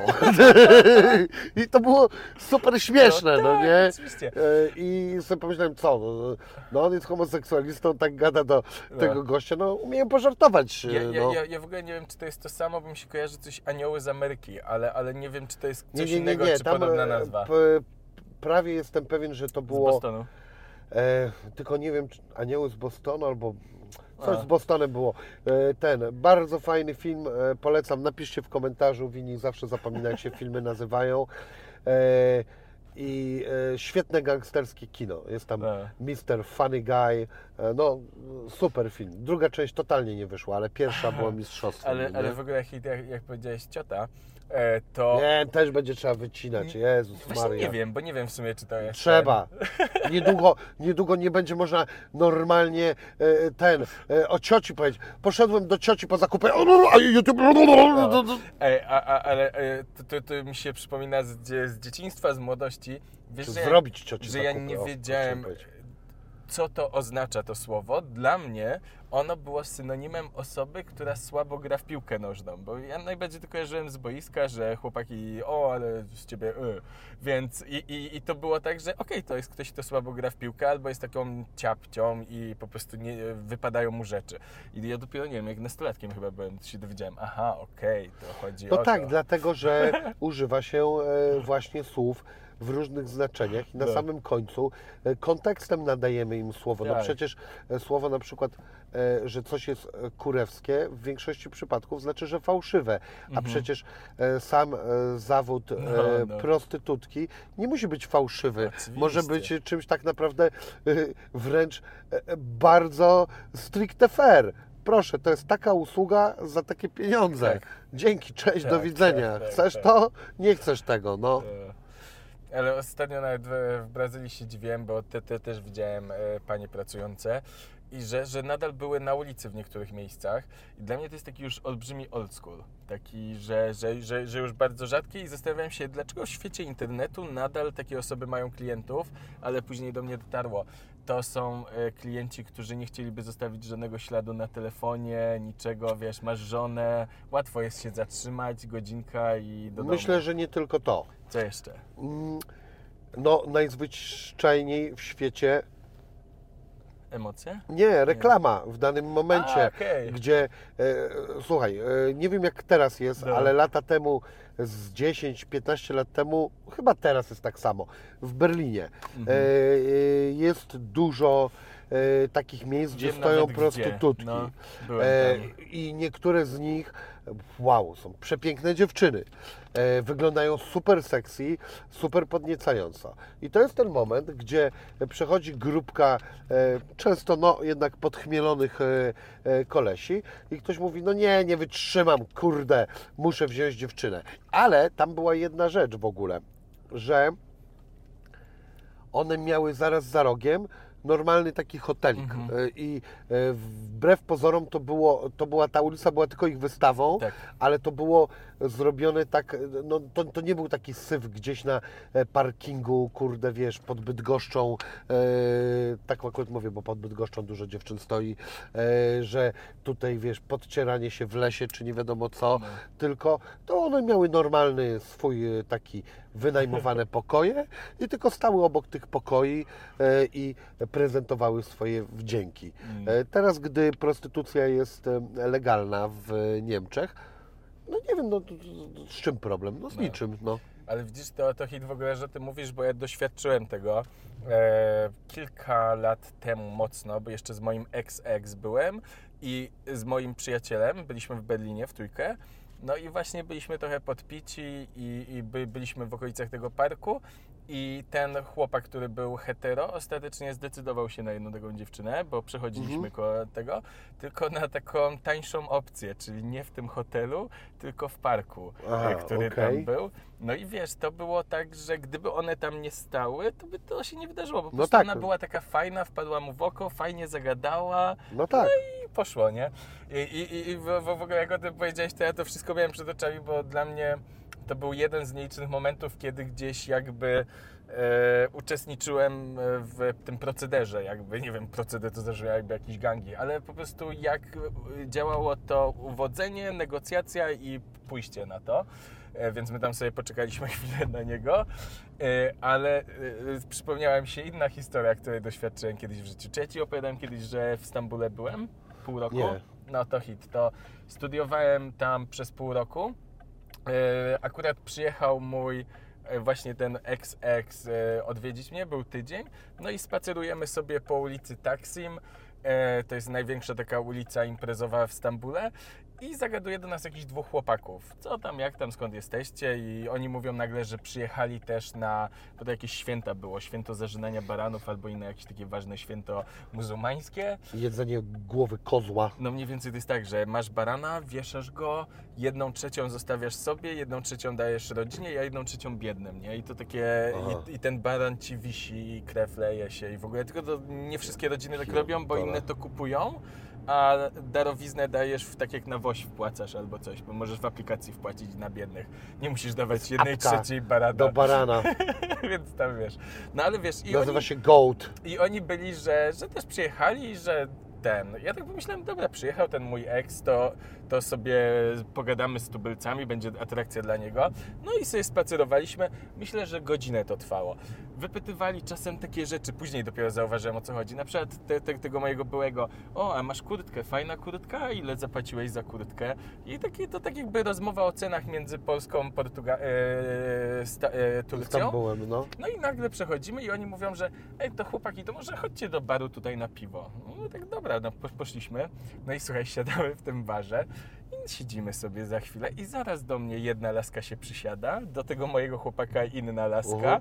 do tych chłopaków inne i słuchaj, zajęło mi dosłownie długo, bo z 5-10 minut, bo ja z tą laską rozmawiałem, dotarło do mnie, że to są po prostu dziewczyny do towarzystwa i, to chłopaki zwołali nas tam, myśląc, że my będziemy nimi zainteresowani, bo Mhm. nie założyli, że jesteśmy parą chłopaków, tylko Aha. po prostu dwoma chłopakami na wakacjach, którzy będą się jarać, że są w klubie z dziewczynami. No i wyszła beka, bo za samo wejście do tego klubu był taki znaczek, że tam się płaci, nie wiem, po 200 zł za wejście. E, dr- e, moje piwo kosztowało, nie wiem, 50 zł, ale drink, który zamówiła dziewczyna kosztował 400 albo coś takiego. No i ogólnie rachunek za, za, za te kilkadziesiąt minut tam było ponad 2000 zł. Ja Więc pierdolę. ja po prostu, wiesz, jeszcze studentem byłem. Dla mnie to olbrzymie pieniądze były. Na- Stary, to taką dla głupotę. każdego duże pieniądze, dwa e, koła, no. No i słuchaj, zrobiłem wtedy najlepszą akcję życia po prostu, bo przyszedł burdel tata razem z dwoma ochroniarzami wielkimi, którzy pokazywali, że spluwy mają. Ja taki, ja pierdolę, no nie dam im 2000 złotych. Wskoczyłem na stół. W wielkich emocjach użyłem wszystkich słów, które znałem po turecku. Typu, jestem studentem, nie mam pieniędzy, ja tu się uczę, mówię po turecku, kocham was, puśćcie mnie. no. I wiecie co? I burdel tatę chyba wzruszyło to, że uczę się tureckiego, że znam turecki i przynieśli nowy rachunek na 200 zł, nie? Okej. Ale kurwa, hit mega, do dzisiaj będę pamiętał to. A wy jeszcze wychodząc powinniście się tylko złapać za rękę z kolesiem i im tak pomachać. To, to, to, to by był hit, no ale widzisz, Ale tam chyba jest dosyć homofobicznie, Jest, co? jest, jest, O jest. Polsce mówią, że Polska. Nie, Mi się nie, wydaje, nie. że tam to dopiero e, co, jest jazda. je- Jest bez porównania, ale zarazem zabawne jest to, że e, przyjaźń męska jest tam bardzo mile widziana.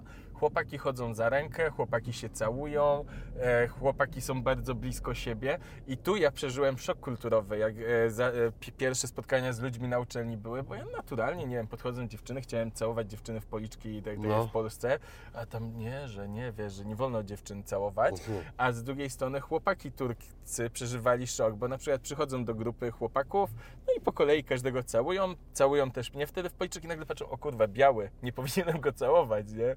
Tak? I, i wiesz, to, to, to było coś takiego, że byli mega zaskoczeni, mega zaskakujące jest to, ale jest tak w części kultury. Chyba Grecy może też tak, nie wiem, ale Turcy 100% tak mają. Chłopaki chodzą po ulicy, tak wiesz, ręka za rękę i tak A jak nas- ręka za rękę? Tak mniej więcej. O. Naprawdę? No i tak sobie łazisz albo łazisz przytulony. Wiesz, nie, nie, nie że tu, ale tak po prostu Mhm. tu się gdzieś trzymają i tak dalej.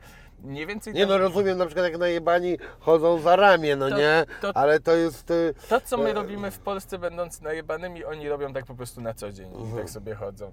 E, tylko wiesz, z drugiej strony jest tak, że jeśli ktoś by powiedział, że no nie wiem, oni są, po prostu to wynika z tego, że no dziewczyn się nie powinno dotykać, to nie wiem, dotykamy siebie tylko, no nie wiem, jakieś to, to jest mega, mega dziwne. Ja w ogóle uważam, że to wszystko też pewnie gdzieś tam z religii wychodzi, z innych No rzeczy, tak, jak no zawsze. to jest no. wszystko dzikustwo takie, że ja nie mogę tych... Słuchaj, to, to, to, to, to, to dziewczynę, którą poznałem teraz y, pa, parę dni temu, opowiadała mi, ona miała swojego chłopaka, nie wiem, z Pakistanu albo z innych tych, tych krajów, tam już teraz nie pamiętam, ale ogólnie myk jest taki, że nie wolno dotykać kobiety, nie wolno całować kobiety, nie wolno nic robić i ona Tylko mówiła, nogą wolno. ona mówiła, że jak oni chodzili w miejscu publicznym, musieli mega uważać, żeby się nie dotknąć, bo na przykład policja mogłaby im zwrócić uwagę, że się dotykają, a nie są po ślubie. Dole, No, kurwa, świat jest taki popieprzony. pojebana akcja, ale dopiero taki kontakt z różnymi innymi kulturami pokazuje, jak teoretycznie jest dużo możliwości na świecie. No i Polska nie jest tak źle. No Jesteśmy właśnie, pośród- ja to wszystkim mówię No. w moim programie, że my jesteśmy całkiem w porządku narodem i mi się nie chce cały czas słuchać, jacy my jesteśmy anto, ty na tamto, na No. śmamto, bo są dużo bardziej popieprzone kraje na Tak, świecie. tak, no. Ludzie, Wiesz, kurwa, i to jest całkiem normalnie. Tak, tak. Mam, mam, mamy swoje rzeczy, które można by było poprawić, ale nawet Tak jak, jak myśleć, każdy. nawet jak myśleć o polityce narkotykowej, no to też nie zabijamy za narkotyki, też nie wrzucamy na dożywocie, a są takie państwa, które robią takie rzeczy. No są, no. Więc wiesz, mamy medyczną marihuanę, nie każdy kraj ma medyczną. Mamy możliwość umorzenia postępowania, jeśli ktoś miał nieznaczną ilość. Też nie każdy kraj ma coś takiego, więc da się znaleźć te plusy. Znaczy, ja uważam, że cała masa. Ja bardzo lubię Polskę No. e, jako kraj. Można powiedzieć, że w ogóle e, cała ta czasoprzestrzeń i świat jest popieprzony, agresywny i straszny, no ale na tle tego wszystkiego Polacy nie wypadają wcale tak najgorzej, tylko niestety jesteśmy tak stłamszeni, że nam się wydaje, że my sami sobie ciupiemy cały czas. no. Ale to przez te 200 lat e, wychowywania nas na niewolników tak się robi z niewolnikami, to jest żeby tak. sami mi siebie nie lubili. No, no. To jest straszna rzecz, ale to e, Wiesz, już... bo biorąc pod uwagę nawet gospodarkę w skali Europy, Polska jest dobrą gospodarką. Multum rzeczy jest. Nadal jesteśmy gdzieś tak jakby w okolicach 20 państwa świata. Stary, ty widzisz jakie tu samochody stoją?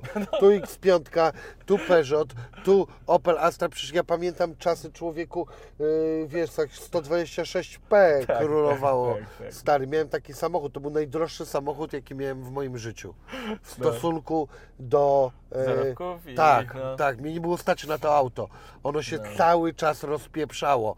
E, ja po prostu w którymś momencie powiedziałem, no nie, no ja nie jestem w stanie tym jeździć. To No. po prostu mnie kosztuje, ja nie jestem w stanie zarobić na naprawy tego samochodu, no. To 100%, 100%.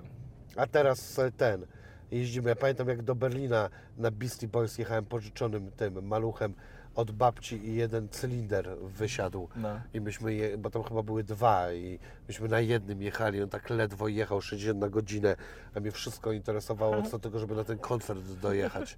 I udało się. A co był za koncert? Beastie Boys. Beastie Boys. O Boże, kurna, jakie to było przeżycie. Jak oni wjechali, kurna, na ten, na pełnej piździe, tak e, jeden z nich na kolanach wjechał, że, e, Wow, że e, w, tak się wsunął na kolanach z gitarą, kurwa. Ja mówię, ja pierdolę, to są showmeni. No, no. Mało tam nie umarłem, taki ścisk był.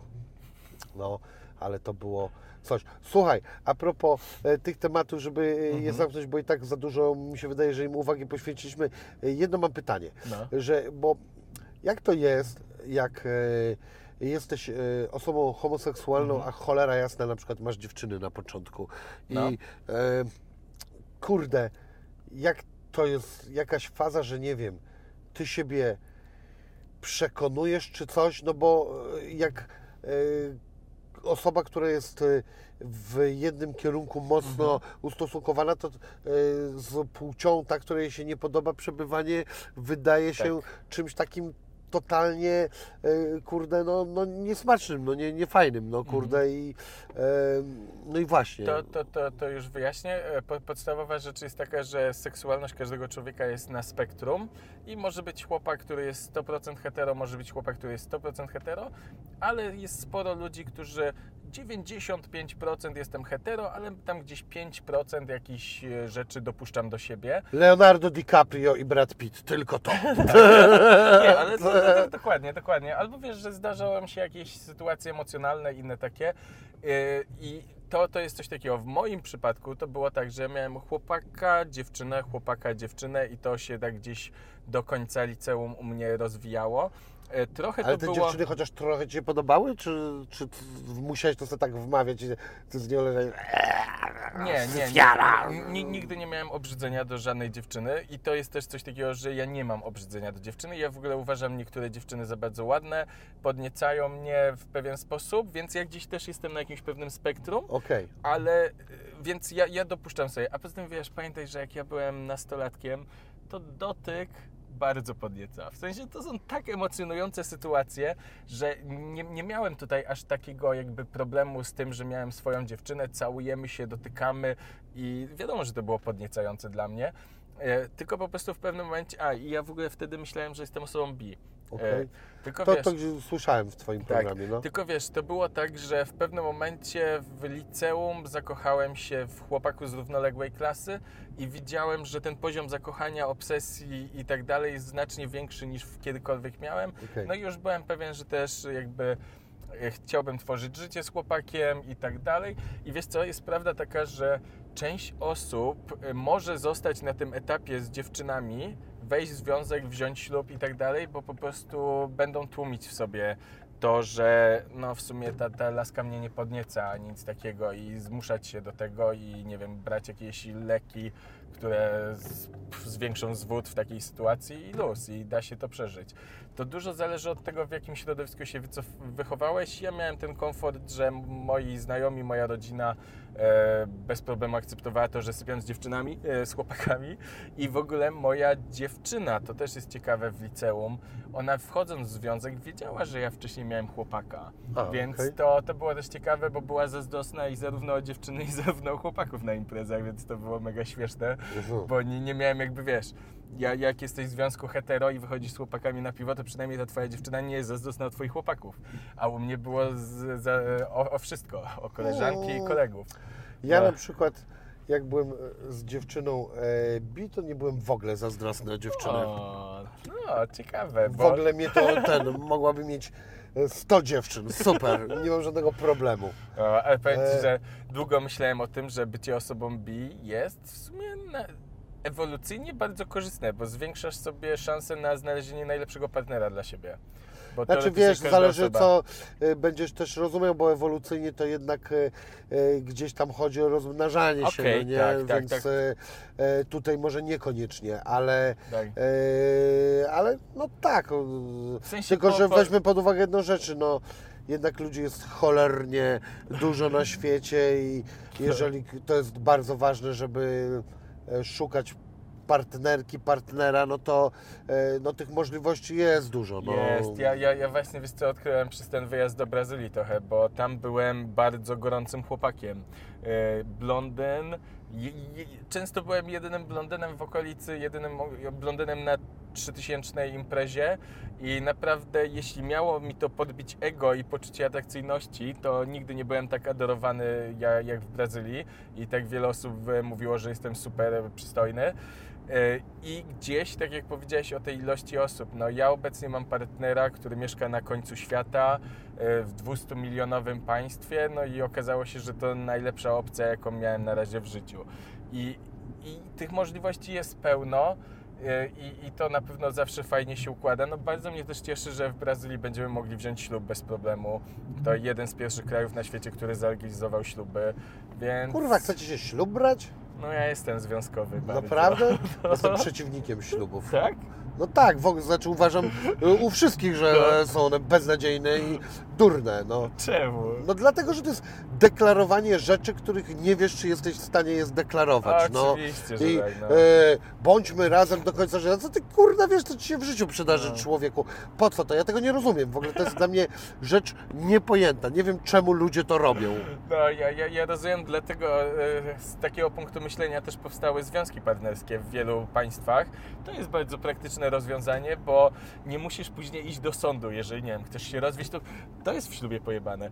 Jeśli chcesz się rozwieść, musisz pójść do sądu i sąd decyduje, czy ty się możesz rozwieść. No tak, no Tak. słuchaj, wziąłeś, napodpisywałeś, naobiecywałeś główien, potem nie dotrzymujesz obietnicy. Chuj wie, kurna, Tak. czy jacyś ludzie powinni cię ocenić z zewnątrz, kurna, czy ty w ogóle się nadajesz, na, składasz, yy, wiesz co, Tak. No i- obietnicę bez, po- obietnicę bez pokrycia, no. orzeczenie o winie, nie? Więc trzeba na przykład udowodnić, czy, czy tam ty zawiniłeś, czy ta druga osoba i ogólnie widziałem kiedyś akty y, sądowe dotyczące y, rozwodów. To jest najgorsze gówno ever. Wyciąganie wszystkich brudów i to jeszcze przed sądem. No i na przykład e, w związku partnerskim Przed sądem to pół biedy, a jeszcze dzieci jak są na przykład No. mogą być świadkami takie albo coś. nie wiem, gdzieś tam na sali. Ja nie, nie wiem, jak dokładnie to wy, wychodzi, ale też decyzja o tym, z kim zostają dzieci, multum rzeczy. A w związku partnerskim po prostu wypowiadasz umowę, tak jakby i koniec. No. To jest, dla mnie to jest bez sensu. Słuchaj, a no to jeszcze się jedno takie No. podstawowe pytanie e, e, ten nasuwa i o którym jest Dawaj. wiele dyskusji. E, Jak ty się zapatrujesz na adopcję dzieci przez związki jednopłciowe? Okej, to ja, ja jestem w pełni za tym i patrzę tylko i wyłącznie z mojego punktu widzenia. Ja od dzieciństwa uważam, że będę bardzo dobrym ojcem. Mam wszystkie cechy, które wskazywałyby na to, że jestem bardzo opiekuńczą, troskliwą osobą, która bardzo marzy o tym, żeby mieć potomka. Y, I prawda jest taka, że uważam, że to biuro adopcyjne y, po prostu powinno decydować, bo tak jak jest multum par hetero, czy osób hetero, czy osób homo, które nigdy nie powinny mieć w życiu dzieci i są po prostu patologicznymi krzywdzicielami, alkoholikami, biją i tak dalej, to, to od właśnie osób, które decydują o adopcji powinno zależeć, niezależnie od tego, jakiej płci są rodzice. Prawda jest też taka, że w Polsce obecnie mamy około 50 tysięcy rodzin, które wychowują dzieci, a są rodzinami jednopłciowymi. Ludzie się zawsze zastanawiają, skąd to się bierze. To się najczęściej bierze ze, z poprzednich związków, czyli ktoś kiedyś był z dziewczyną, e, albo były dzie, te, inne sytuacje i to dziecko jest. No i w tej sytuacji to też mogę powiedzieć, bo w sumie tak pasuje pod tą rozmowę.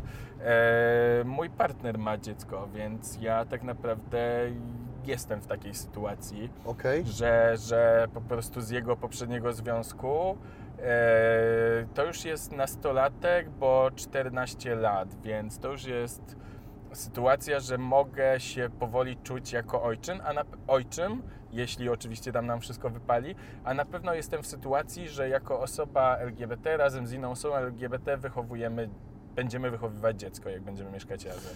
A e, ty poznałeś tego dzieciaka, rozumiem. E, Kwestia jest trochę e, zawiła, bo obecnie był za granicą. A, E, więc czyli nie poznałeś. Nie, nie, nie, w Japonii był. Okej, a wiesz co, bo ja na przykład zapatrywałem się na to nie negatywnie Mhm. i E, nie mam do końca wyrobionego No. zdania, natomiast bardzo moją opinią zachwiała Kora. Okej. Aj, znam tą wypowiedź. No, Rewelacyjna. Tak? ale powiedzmy ją, ja to pewnie mówiłem, to jest e, świetne Kora. Kiedyś jak e, e, mówiono o adopcji przez e, e, pary e, homoseksualne, to powiedziała tak, a może e, ktoś mnie by się do jasnej cholery zapytał, co ja na ten temat e, sądzę, ponieważ ja zostawa, zostałam wychowana przez e, e, krwiopijcze, e, sadystyczne siostry zakonne, e, które po prostu niszczyły całe moje dziecięce życie. I ja marzyłam, żeby mieć dwóch tatusiów albo dwie mamusie i mieć dom, w którym jest po prostu miłość. Mhm. I co wy mi tu będziecie pierdolić? No. I to było takie coś, kiedy jak ja to usłyszałem, mówię, zaraz, co ja mam do powiedzenia w ogóle Tak, na ten temat? tak, tak. Przecież ja gówno na ten temat wiem No. w ogóle. E, I, I to była taka mocna rzecz, no. No, ale, ale powiem Ci, że to jest w ogóle wypowiedź, po, w której ja się dowiedziałem o przeszłości Kory. Ja nie wiedziałem, że e, nie, nie, nie miała jakby rodziny i bardzo mnie to wzruszyło wtedy, ja, jak to usłyszałem. Wyobraź sobie, jest- że ona w ogóle była wychowywana w tym samym, e, czekaj, to się DPS-y chyba nazywa. Może? E, chyba tak to się nazywa i w tym samym, w którym niedawno, bodajże rok temu e, był e, też były właśnie e, skandal, że tam dalej siostry Mhm. gnębiły No, słabe, dzieciaki. słabe słowa. O, Co nie jest w ogóle jednoliniowe, to jest w ogóle bardzo trudny Mhm. e, ten, bo, bo, bo te dzieci też są bardzo trudne, bo tam było też e, dzieci z niepełnosprawnościami różnymi e, i jakby, znaczy ja broń Boże nie tłumaczę tych e, sióstr, uważam je za podłe i ohydne, natomiast jednak to są bardzo skomplikowane rzeczy, Mhm. może tylko tyle, ale o co chodzi, że to było w ogóle e, to samo miejsce, ktoś mi opowiadał właśnie,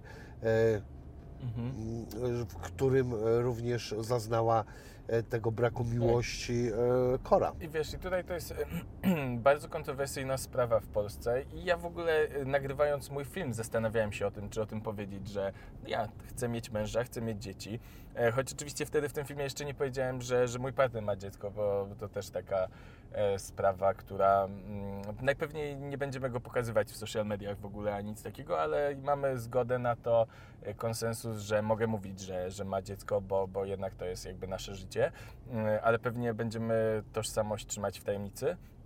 E, tak, tak jak dużo pary robi, to też hetero i w ogóle część pokazuje dzieci, część nie pokazuje dzieci w social mediach. E, I wiesz, tak naprawdę najlepiej patrzeć na to, bo ja stwierdziłem, ok, powiem o tym, bo takie są moje myśli, nawet jeżeli to jest kontrowersyjne w Polsce, ale kontrowersyjne w Polsce jest też to, że jestem za legalizacją psychodelików i, i tak dalej, więc jest dużo kontrowersji i trzeba przyzwyczajać ludzi do tego, że takie rzeczy mają miejsce i takie rzeczy mają miejsce w innych krajach już nawet od 20 lat. Można spokojnie zaobserwować badania, czy to miało wpływ na życie dzieci. Jak na razie wszystko tylko i wyłącznie wskazuje na to, że w większości przypadków ratuje się życie dzieci adopcyjnych i, i, i w sytuacji, kiedy ktoś czegoś takiego zabrania, a sam nie chce czegoś takiego zrobić, to jest pojebane. Oglądałeś Birdcage? Jak? Birdcage, klatka dla ptaków. Tak! Komedię z Robinem Williamsem. Mega śmieszna, mega Śmieszna. śmieszna. E, ciocia moja e, kiedyś, e, p- e, mam, mama przyjaciela, tylko ja mówię na nią ciocia, kiedyś mi to pożyczyła chyba jeszcze. To stary film w ogóle Tak, jest. stary film. No, Robin Williams, bardzo No.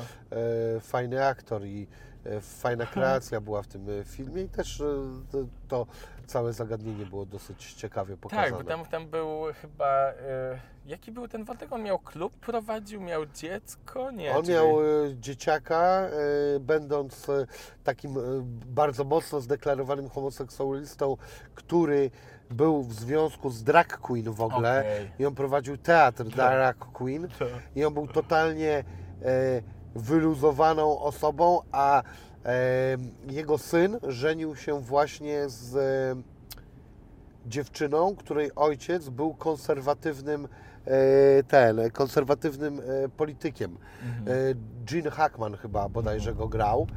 E, No i e, cały komiks polegał na tym, że on bardzo chciał, żeby ten ojciec e, ukrywał swoją tożsamość, a ojciec był wściekły, bo całe życie walczył o to, żeby niczego nie ukrywać w swoim No, no, życiu i no. teraz e, ten jego syn zaczął to na nim wymagać. No. I no, bardzo dobry film.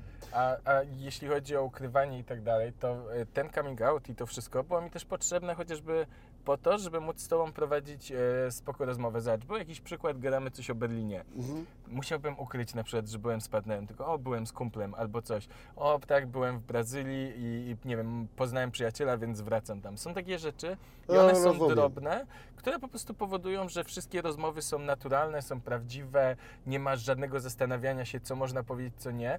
I na przykład spotkałem się z, teraz, jak wrzuciłem to, z tym Mesto, a czemu ty się tak z tym obnosisz? I ja Mhm. tak sobie myślę, stary, ja się nie obnoszę, ja prowadzę kanał 7 lat, pierwszy raz pokazałem partnera, pierwszy raz powiedziałem, a przez te 7 lat inni twórcy internetowi, inni moi przyjaciele wrzucili tysiące zdjęć ze swoimi partnerami, których ja nie wrzucałem, bo po prostu nie byłem jawnym gejem. I ludzie, e, będąc hetero, nie zauważają tego, że każda informacja a propos weekendu, a propos tego, o, ale fajna dupa przeszła, jest informacją o seksualności swojej. No tak, I, I tak. wcale, wiesz, to nie jest jakby intymna rzecz, to nie jest prywatna rzecz. E, mówić jakiejś jest orientacji. Intymną rzeczą jest to, co robisz dokładnie w łóżku, jakie szczegóły, jakie pozycje, jakie rzeczy Cię interesują. To jest okej, strefa prywatna, intymna, ale o tym żaden gej obcym ludziom w internecie nie chce mówić, no, chyba, że na OnlyFans. No to tak, no to może być prywatna rozmowa taka sama, e, Tak. jak ktoś prowadzi e, o dziewczynach, czy No. no. E, słuchaj, właśnie, no psychodeliki i w ogóle Twój kanał. Dawaj. Jak się miewa teraz Twój kanał pod względem wszelkiego rodzaju banów? Bo e, nasz, e, Mhm. no mój e, bardzo bliski ziom, kumpel e, Mops, e, no. e, no prowadzi Witwika, no i on tam złamanego grosza nie może na tym Mhm. zarobić. Robi też e, dużą jakby e, robotę mm, taką, e, no, e, która propaguje wiedzę, a No. nie e, samą substancję. I jak to się ma u Ciebie? Trochę Tobie coś ten YouTube przebaczył, czy Ty cały czas też jesteś tak dojeżdżany? W ogóle Jest- masz jakąś monetyzację? Jest lepiej u mnie. Powiem Ci, że od y, dwa lata temu ja chyba miałem usunięty kanał i przez te dwa lata nie miałem żadnego usunięcia. W ogóle teraz, stary, jak był Sylwester, to w, w okolicach świąt do mnie dotarło, że to był pierwszy rok, 2022, był pierwszym rokiem, kiedy nic mi nie usunięto. Żadnego Instagrama, żadnego Facebooka, żadnego YouTube'a. I jak w święta do mnie to dotarło, to później te parę dni do Sylwestra, to ja tak czekałem jak na szpilkach, żeby doczekać Sylwestra i żeby mieć rok bez żadnego usunięcia. I ogólnie z tym YouTube'em jest tak, że mam coraz lepiej, mam spokój, mam monetyzację na niektórych filmach, ale właśnie na niektórych, ale to zajęło mi bardzo długo i y, na pewno wiesz, jak dodajesz filmy, teraz obecnie jest tam, że można zaznaczać typu kontrowersyjne tematy, tematy dotyczące narkotyków, tematy dotyczące czegoś i gdzieś ten algorytm można uczyć mniej więcej, więc ja na przykład jak czuję, że film jest bezpieczny, czuję, że pasuje pod monetyzację, staram się wtedy o tą monetyzację. Czasem się też odwołuję, więc jest nadal coś takiego, że mam paniczny strach, ale pierwszy raz, bo wiesz, już nawet nie chodzi o tą monetyzację, to nigdy nie było najważniejsze. Dla mnie najważniejsze, No dobra, żeby ale nie słuchaj, dostawać... no też żyjesz z Tak, tego, tak, wiadomo, tak. że masz współpracę i tak, dalej. Ale pamiętaj, że ja wychodzę z innego położenia, bo ja wychodzę z położenia, gdzie ja dostawałem strajki za filmy i trzy strajki to jest usunięcie kanału. A ja pierwszy raz jestem teraz w sytuacji, że nie mam strajków. Co najwyżej mam demonetyzację 18+, e, ale nikt nie usuwa mi filmu z platformy i to jest Ty, olbrzymia różnica. ale teraz to masz e, kolejny argument, byś mógł na geja grać, że e, ten, a to wszystko, bo jestem gejem, tak? A, Zastanawiałem się, że może by mi to pomogło w jakiejś sytuacji, ale właśnie koncept tego, że miałem demonetyzację na moim filmie o tym z coming outem, to mnie w ogóle... Ugh. Ale, yy, ale to właśnie przez to słowo na P. Jest taka komedia francuska. E, gdzie e, kolesia mają wyrzucić z pracy No. księgowego i on ma sąsiada i ten sąsiad mówi do niego słuchaj, ja ci załatwię, że cię nie wyrzucą z tej pracy i to będzie moja mała zemsta, No. bo ciebie nie wyrzucą z tej pracy za to, za co mnie 20 lat temu wyrzucili. Okej. I on mu e, tłumaczy, że ma udawać geja. E, I e, robią podróbę zdjęć, jakiś, że on w jakimś klubie tam tańczy, e, wiesz co, tak stereotypowo ubrany. E, I nagle się okazuje, że faktycznie on zostaje bohaterem w tej firmie, no nie? widzisz, Widzisz. A, a, a, Oczywiście to są żarty, ale... e, Nie, ale to gdzieś za, zawsze może działać. Ale widzisz, jak powiedziałeś a propos zarabianiu i o tym, że to jest ważne, jesteśmy już teraz bardzo późno, więc zostały tylko osoby, które są naprawdę zainteresowane tematem. Mam moją książkę dla Ciebie. O, No. super. I zrobiłem Ci dedykację. Kurde, nie masz audiobooka. Nie. A kiedy będziesz miał? A nie, czekaj. Nie, nie ma audiobooka, jest e-book. No kurde, zrób audiobooka. A, bo lubisz słuchać, no oczywiście. No ja tak. prawie w ogóle nie czytam książek, jeśli mam się... Jest ileś książek, które chcę przeczytać i to takich No. właśnie związanych z psychodelikami, różnymi tego typu tematami, bo ich jest mało na audiobookach. No ale wiesz, no ja dużo podróżuję, jeżdżę. Nie, no to tego w podróży raczej nie przeczytasz sobie. To jest za, za, za dużo. Mhm. Bardzo ładnie wydana, no. E, bardzo ładne są te, te ilustracje, bardzo nam na nich zależało, żeby je zrobić. To jest jedna z moich ulubionych. Amfetamina? Tak, no e, ilustrator wymyślił, że to jest okno, więc zajebiście to wygląda. Mhm. E, I bezsenność do tego wchodzi. E, jaram się gdzieś tym, wyszło to w listopadzie, no i tak jak mówisz o monetyzacji i o tak dalej, to było coś, co mogłem zrobić. Typu, w ogóle ty wiesz, że ty w poprzedniej rozmowie mnie e, powiedziałeś, że powinienem książkę wydać? Tak? Tak. No to widzisz, Ja wtedy, zdarzyło się. ja wtedy jechałem, bo ja już pisałem ją. Ja tak, kurwa, no nie mogę powiedzieć, bo to jeszcze, jeszcze nie mogę, nie mogę powiedzieć. I ja tak, kurwa, Wini, no idealnie mówisz, idealnie mówisz. No i w końcu jest zrobiona, jest z głowy wszystko, co trzeba o narkotykach, jest tutaj w książce. To jeśli mam o czymś myśleć, co jest jakby dziedzictwem, to wiem, że to zostanie na długo, bo nadal to będzie przez długi czas pewnie jedyna progresywna książka na temat substancji. Bo wiesz, jakie są książki? Najczęściej bardzo negatywnie No, wypowiadające nie się no, jest wszystkim. y, Lorenza książka, czy psychodeliki uratują Super jest, o świat. y, bardzo czekam na jego następną książkę. A wiesz, i że mam nadzieję- no wiem, ci w bo- rozmowie. tak, tak, tak. Okej, o grzybach będzie, no. Och, w ogóle strasznie chciałbym z mytologiem pogadać. O, o. Jest pani e, mytolog albo mytolożka, Mykolog, nie wiem jak się mykolog. teraz... Jak? Mykolog. Mykolog? Nie myty, myt, tylko Nie, myk. nie, myko, myko, Aha, myko. dobra, to pomyliłem się. Z greckiego. Mykolog. E, e, ale pisałem parę razy do niej i A to, to nie jest ta, co ci podrzucałem, jak kiedyś pytałeś o mykologa? możliwe, parę osób mi ją No. na pewno polecało. Bo jest jakaś taka Anna, może? Nie, nie pamiętam ten jej. No już nie pamiętam, no ale e, ciekawa rzecz. To by No. było super, to, to by była super rozmowa. No i wiesz, Lorenz jest super ty, rozmówcą. On ma taką wiedzę na temat i on może gadać i gadać i gadać i gadać, no. Mam nadzieję, że będziemy mogli sobie uciąć e, następną pogawędkę no. przy okazji właśnie wydania jego e, nowej książki. Się No. też Tak nie mogę roku będzie, no. e, doczekać. To super. E, a mm, no właśnie, ty jesteś w ogóle w stowarzyszeniu psychodelików? Tak, tak. To jest w ogóle jedna z rzeczy, z którą mega się jaram, bo mało kto o tym wie, bo w sumie o tym też nie, nie informowaliśmy. Ja działałem w Fundacji Polska Sieć Polityki Narkotykowej i nadal działam. Czy... Mhm. I prezeska fundacji Agnieszka kiedyś spytała mnie, Damian, co byś chciał, czym chciałbyś się zajmować u nas w fundacji? Bo mnie tak średnio niektóre tematy kręciły. No ja wiedziałem, że psychodelikami, ale tak... Wrzucaniem kwasów. Tak, tak, najchętniej. Ale nie wiadomo co i jak. I potem Agnieszka wróciła do mnie z pomysłem, że Damian, zakładajmy Polskie Towarzystwo Psychodeliczne. Nie wiem, czy wtedy mówiliśmy tą nazwę, ale organizację e, zajmującą się psychodelikami. E, I bardzo mnie cieszy, że od takiego pomysłu dwóch osób, potem dołączył do nas Maciek, dołączyła Justyna i nagle mamy ponad 50-60 osób, specjalistów. I to jest ważne, bo to nie są osoby, to są profesorzy, doktorzy czy specjaliści w różnych dziedzinach, multum psychologów, e, psychoterapeutów. E, I udało się stworzyć grupę osób, która bardzo racjonalnie mówi o psychodelikach w Polsce. Zrobiliśmy też konferencję Nauka Psychodeliczna na Uniwersytecie Warszawskim. I to było bardzo ważne, że temat psychodelików pojawia się w przestrzeni jednego z dwóch najbardziej prestiżowych uniwersytetów w Polsce. Czyli to nie jest jakiś temat oszołomów, tylko to jest poważna dziedzina, którą warto się No, zajmować. my niestety ludzie potrzebujemy różnych tego typu legitymizacji, czyli Oczywiście. e, nagle ci, którzy już byli uznani, powiedzieli, że to, Jesteśmy spoko. że jesteśmy spoko, no nie? Tak, tak, tak. E, natomiast, e, o, proszę bardzo, patrz co No. tu się zdarzyło. Już nie wytrzymuję tego napięcia. Ale dobrze złapałeś, patrz. Hit. No, mam nadzieję, że to będzie działać.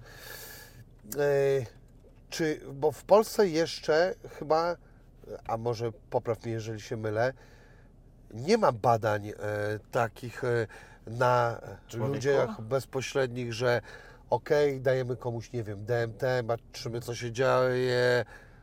To jest niedozwolone, tak? Wiesz co, są badania in vitro na, na płytkach e, nad psylocybiną i wiesz co, jest trochę coś takiego, tylko ja nie wiem, ja mam czasem problem z newsami dotyczącymi psychodelików, że czasem się one mylą i powtarzają i, i nie jestem pewien, co jest obecnie bieżące, bo na pewno jest coś takiego, że w Polsce są firmy farmaceutyczne z zagranicy, takie te nowe farmaceutyczne, czyli te, które się psychodelikami zajmują, które robią badania kliniczne i wydaje mi się, że to nad DMT, ale za bardzo nie mam informacji, bo jest coś takiego w Polsce, że możesz to zrobić. To, to, to, tylko to jest, wiesz co, to jest tak, że na przykład ten kwas musisz przechowywać w sejfie, który musi być jakimś tam sejfem, który musi mieć ochronę, który musi mieć coś tam, musisz mieć zgody, zezwolenia, pierdylion rzeczy i prostą rzecz, która mogłaby być względnie tania jak grzyby czy, czy kwas, nagle to Cię kosztuje 100 tysięcy, 200 tysięcy. No rozumiem, czy czyli jest zrobione wszystko, żeby Żeby ci się nie zniechęcić. chciało tego robić, no. Takie gigantyczne drzwi na e, metr otwierają, a tam na stoliku taki mały kwasiborek jeden leży. Tak, ale wiesz, daleko e, szukać. E, jak kupowałem medyczną w aptekach, zawsze mnie zastanawiało, dlaczego pani farmaceutka czy pan farmaceuta nagle idzie na zaplecze i znika na jakieś 5-10 minut. Ja tak stoję i czekam. No dobra, 10 może przesadzę, ale 5 na pewno. I, I dopiero niedawno się dowiedziałem o co chodzi, bo jest po prostu procedura. Oni nie mogą mieć tej medycznej marihuany, tak jak po prostu każdego innego leku w szufladach, tylko to jest w, kurwa w jakimś sejfie. I oni muszą to wyciągać z tego sejfu, muszą odnotować, że wyciągają, muszą coś tam porobić i tam jest multum rzeczy. Jakby to nie wiadomo, co nagle było, no.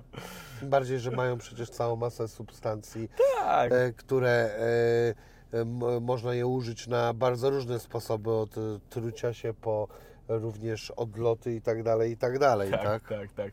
Więc jest tutaj po prostu multum rzeczy.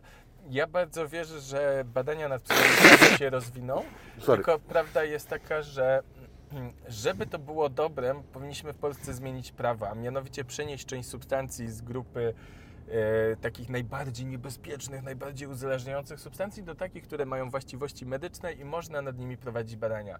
I to by rozwiązało wszelkie problemy, jakie mamy z tym związane. I tak naprawdę bardzo dużą zmianą będzie to, jak zostanie MDMA wprowadzone do leczenia. To już jest kwestia bardzo bliska. I mamy Do leczenia czego? Depresji?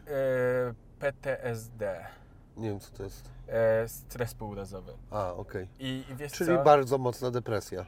Tak, ale najczęściej wynikająca z jakiegoś wydarzenia w Twoim życiu. I, I z takich rzeczy, które mm, widziałem, które znam osoby albo są gdzieś z filmów i tak dalej, to często to byli na przykład wojskowi po... i tak, tak w ogóle udało się wypromować MDMA w Stanach. Bardzo mądrze Maps pomyślał, bo wiesz, to zadziałało na dwie rzeczy. Amerykanie uwielbiają swoich wojskowych. To jest taki szacunek dla tych obrońców kraju, a rząd chciał te MDMA którzy wprowadzić. żadnej e, wojny nie e, odbyli w ich kraju. To prawda. I, i można to różnie oceniać. Y, A wiesz czemu rząd pokochał MDMA i chciał wprowadzić to do terapii? Bo po prostu Bo wie... się czuje potem dużo miłości. Nie. Po prostu oni wiedzą, jak dużo pieniędzy włożyli na wyszkolenie żołnierza i żołnierz, który jest z traumą i jest bezużyteczny, jest do niczego. I to są stracone pieniądze w tego człowieka, więc lepiej go wyleczyć z tej traumy i, No to i dalej na wojnę, na następne. na. Tak, dokładnie, dokładnie to tak zadziałało. No ale okazuje się, że MDMA bardzo skutecznie działa też na ludzi, nie wiem, ktoś miał doświadczenie gwałtu, ktoś miał różne jakieś inne takie rzeczy bardzo tragiczne. A i to oczywiście, żeby było jasne, to nie jest tak, że on łyka tabletkę i jest z głowy. Ta e, MDMA pomaga w psychoterapii, bo dzięki przyjęciu MDMA ta osoba staje się bardziej otwarta, bardziej wchodzi w swoje prawdziwe myśli, głębokie uczucia i od psychoterapeuta jest w stanie poprowadzić szybciej, lepiej psychoterapię, e, bo osoba nagle się odblokowuje emocjonalnie. Mm, Jeśli chodzi zaś o depresję, to zaawansowane badania są nad grzybami psylocybinowymi. I to jest już tutaj też bardzo wysoki poziom, więc wiesz, zaraz będziemy w świecie, który będzie miał do dyspozycji MDMA, będzie miał do dyspozycji medyczne psychodeliki, takie jak grzyby, a już teraz w Polsce, i to też wiele osób zaskakuje, e, można leczyć depresję ketaminą, która też jest e, w pewien sposób psychodelikiem, dokładnie dysocjantem. Keta jest psychodelikiem też? Można, można mówić, że... Ja myślałem, że to jest jakiś w ogóle pobudzacz. Ketamina? A nie, E, wiem, mają, wiem, nie wiem, biorą dla- kety na techniawkach? biorą na techniawkach. Wiem dlaczego właśnie Ci się kojarzy, bo po prostu No, część dlatego ludzi mi się z bierze, tym bierze to kojarzy, na no. techno, szczególnie w Niemczech, w Wielkiej Brytanii, ale coraz częściej w Polsce, w, Tur w tym, w Brazylii to już w ogóle, słuchaj, byłem na paru imprezach, gdzie nie mogłem uwierzyć, co się dzieje. Pierwszy raz byłem na imprezach To wszyscy na kecie. na kecie i na koksie, ale wiesz, u nas to się czasem ludzie kryją. Idziesz do kibla albo robisz coś tam, a tam wiele razy widziałem po prostu na imprezie, w trakcie, w tłumie, jak po prostu chłopaki sobie coś tam rozsypują, wciągają i bum. I łatwo było rozpoznać też ludzi z ketaminą, oni często mieli okulary, e, mieli też taką łyżeczkę do nosa, więc po prostu no szok. Łyżeczka do Szok. kety. Tak. E, No i ta ketamina oczywiście jest dysocjantem i dużo zależy od dawki. Dysocjant, dysocjant Tak, co to czy, znaczy? czyli odcina cię od y, rzeczywistości, zmniejsza ilość bodźców, które dostarczasz. I, I takie na przykład psychodeliki otwierają. I, i, i tutaj właśnie do, dobrze, że zrobiliśmy to rozróżnienie, bo to mogłoby rzeczywiście ludzi mieszać, bo psychodeliki rozszerzają Twoją świadomość i przyjmowanie bodźców, masz tego więcej, widzisz więcej, a ketamina jest tym dysocjantem, więc po prostu odcina część rzeczy. Dźwięk może być inny, wszystko może być inne. Ja, ja, ja mam bardzo dziwny chód wtedy na przykład po tym, y, a w pewnym momencie jak przyjmiesz bardzo dużo, to cię może w ogóle odciąć od całej rzeczywistości. Mhm. To jest w ogóle wtedy K-hole, taki... y, Ja nie wiem, czy doświadczyłem kiedyś takiego najgłębszego. Miałem y, pewne, które miały cechy tego. A przepraszam, y, miejsce, w które zmierzamy, to chyba jednak tam jest gdzieś, co? Może tak być? Wiesz Tak mi ja się zobaczę wydaje, bo- na, na Google Mapach. Mm, Bo tak widzę, Ja sobie wpiszę to na Google Mapach, to będę wie- wiedział, bo... a u mnie y, tutaj to nie pokazuje. A wiem, że y, tam się kontynuuje ta ulica. Ma, e, masz rację, jest dokładnie przed nami. Dobra. A my to- możemy tu przejechać? A nie, a musimy tam, tak tam, okej. se zawrócić. Czyli na dobrą sprawę, mm, czy masz poczucie, że my jako Polska względem na przykład Stanów Zjednoczonych, gdzie już e, kiedy, czekaj, w 80 latach chyba pozwolili z powrotem na te badania, czy w 90 nie pamiętam Tak, tego, no. ale jakoś gdzieś pod koniec zeszłego stulecia, czy my nie będziemy przez to jak coś opóźnieni? Cholera tam ci już mają więcej wiedzy, a, a my mniej. Zawsze będziemy. Ja to wiesz co widzę nawet po prostych rzeczach. Byłem w Nowym Jorku na konferencji psychodelicznej w 2019 roku i tam nikt nie rozmawiał o psylocybinie i e, czy, czy MDMA. To, to już w ogóle nie jest temat. Tam się rozmawiało o 5-MeO-DMT, e, o ibogainie i o czymś innym, co dla Polaków jest jeszcze w ogóle e, zamkniętym... e, To co to jest w ogóle i bogaina? Ibogaina? O, to jest coś, co mi się marzy po głowie, żeby spróbować. E, Jest to z afrykańskiego drzewa. E, Wy, wykazuje bardzo ciekawe właściwości i to jest w ogóle, mam nadzieję, potencjał, który zostanie zrobiony. Ponoć rewelacyjnie działa na wszystkie osoby, które są uzależnione od opioidów. E, One po doświadczeniu ibogainowym przestają przyjmować, przestają czuć zależność e, od heroiny, czy, czy e, oksykodonu, czy czegokolwiek, co tam sobie przyjmowali. Mnie intryguje to, że jeśli chodzi o doświadczenie, to można powiedzieć nawet, że to jest jakby dwudniowe doświadczenie. Jest bardzo wielogodzinne. Jestem po prostu bardzo ciekawy, jak to działa, jak to wygląda. I, i, i Dwudniowe? tak, w sensie, że to jest jakiś taki długi, długi, długi proces. Pieprzony odlot na dwa dni? No, Fucking shit, ja... Tylko wiesz, te dwa Nie dni... brzmi to zachęcająco. Tak, tylko te dwa dni to oczywiście nie, nie znaczy, że masz 48 godzin tego, e, ale, ale je, jest wielogodzinne. No z takich e, bardzo długich e, doświadczeń, no to jest na przykład meskalina, 13-14 godzin. Są, są niektóre substancje, które mają też około 20 godzin. E, Mnie przeraża w psychodelikach długość działania. no, Ja się szykuję na jakiś psychodelik. no. Mam bardzo małe doświadczenia. Mhm. Raz kwasa i dwa razy grzyby brałem. Mhm. I jak oceniasz grzyby i kwas? Bardzo podobnie. Podobnie? E, Tak, z tego względu, że ani jedno, ani drugie nie, niestety, no było dosyć małą dawką i Mhm. było e, psiejsko-czarodziejsko, ale do tego e, było po prostu potwornie śmiesznie. Okej. E, I to był mniej więcej ten stopień, czyli tam już coś się zakrzywiała rzeczywistość, ale to nie było takie coś, że mm, wow, tam kurna przemówiły do mnie moce wszechświata. No. No i było tak śmiesznie, że masakra. A grzyby gdzieś tam próbowałem jeszcze nie tak dawno temu, to chyba coś jakoś nie tak poszło. Miałem natłok myśli, ale nie było żadnej wielkiej jazdy. Mhm. Może za mało, czy co. No, nie, wiesz co, to bardzo dużo zależy od dni i od tego wszystkiego, jak to wygląda. Mm, Mnie tu ucieszyło trochę w Brazylii, bo wiesz, trzy, trzy miesiące tam byłem, że, że, że też trafiło mi się grono zna, znajomych, którzy gdzieś są otwarci na różne takie rzeczy, więc mam do, dwa doświadczenia z kwasem z Brazylii, jedno z grzybkami, z małą dawką i jedno z kokainą, bo w sumie chciałem spróbować tej kokainy, bo byłem ciekawy, jak to na tam A, no i wygląda. co, dobrego dziada mają? Nie, no jest w porządku, jest w porządku. I bo wiesz, najbardziej byłem ciekawy. Z alkoholem, czy bez? Y, Wpiłem alkohol wtedy, piłem. Dobra. To było typowo imprezowo. Bo ja słyszałem, E. że dobry koks można brać bez alkoholu, czego ja sobie nie wyobrażałem Bardzo kiedyś. dużo ludzi, których znam, pije i bierze koks. No Tak ja sobie... myślę o tym, to jest bardzo powszechne chyba. No tak, Choć bardzo szkodliwe też, bo koka, kokatylon się wy, wydziela wtedy. Kokatylon? Tak. Brzmi jak jakiś rodzaj aligatora. Tak, albo ogólnie coś, co, co, co mogłoby być jakimś, jakiś kurwa mefedronem, taki taką, wiesz, w innej nazwie. Ja też nie wiem, czy teraz nie, nie, Kokatylon na mojej polówce. nie, nie, nie przekręcam nazwy. Kokatylon, bo mogę jakieś... Kokatylen. No, kokatyl... Jedną literkę przekręciłem. Kokatylon jest fajniejszy. Lepiej brzmi, nie? Tak, uważam, Lepiej. że trzeba kokatylen zamienić na kokatylon.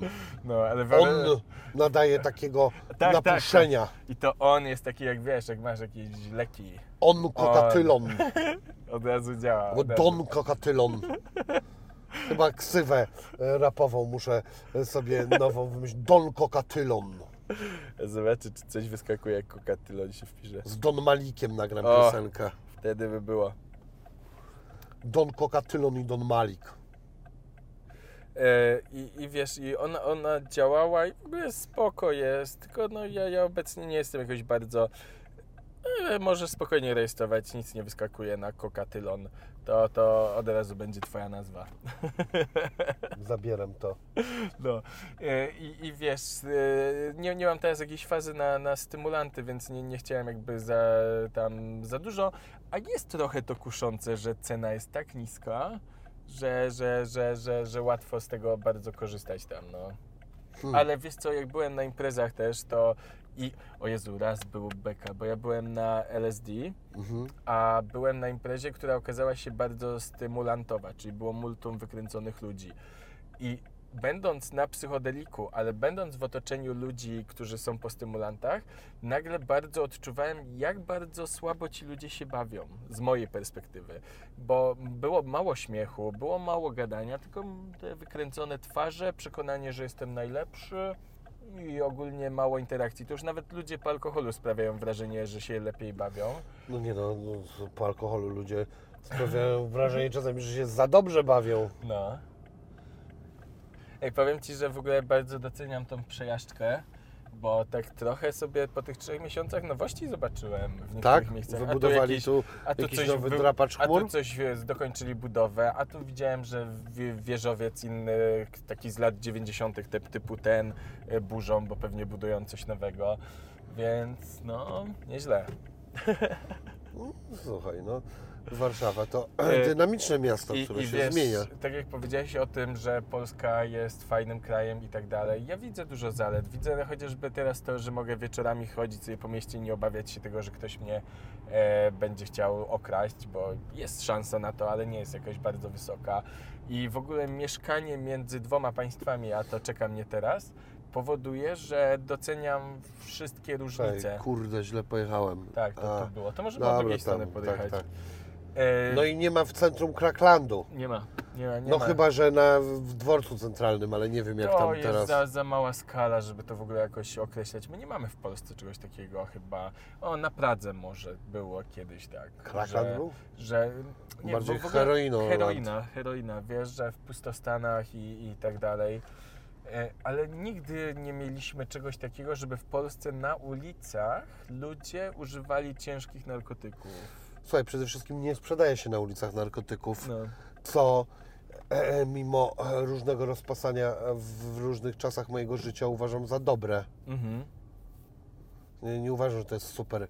Jak idziesz, no po Niemczech idziesz po parku i ci cały czas coś tam Tak. Tak, tak, To ja, ja, ja, ja, mam te same przemyślenia. E, Bardzo dużo e, sprzedawców, e, chociażby w Lizbonie w Portugalii spotykałem. To, to było aż dla mnie zaskakujące, że aż tak dużo. E, No i w, e, w Brazylii, ale w Brazylii nie w São Paulo, nie w mieście, tylko w Rio na plaży.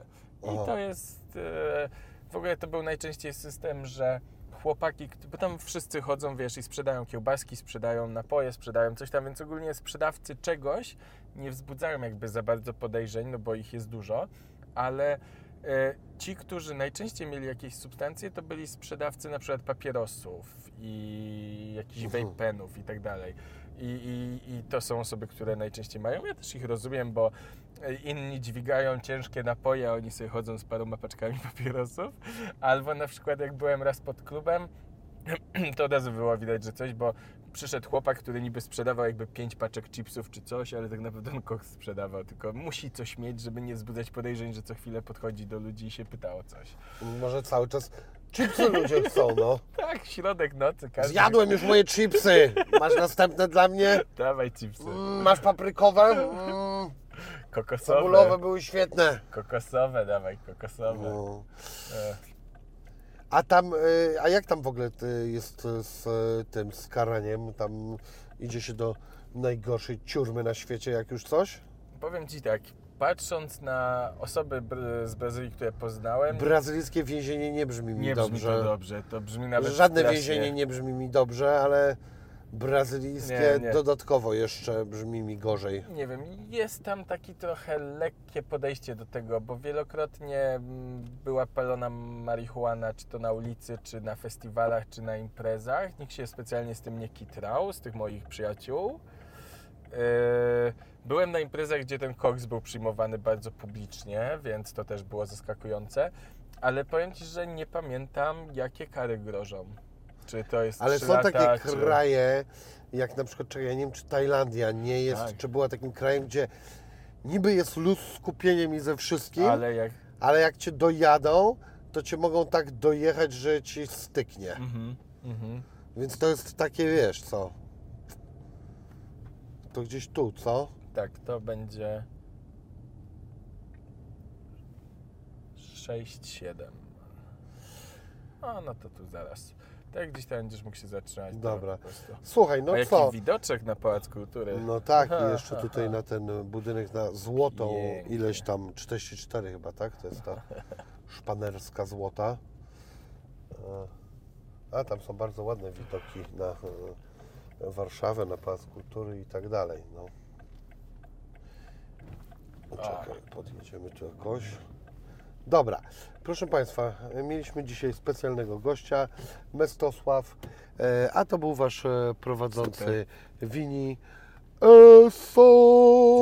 Dzięki. Dziękuję.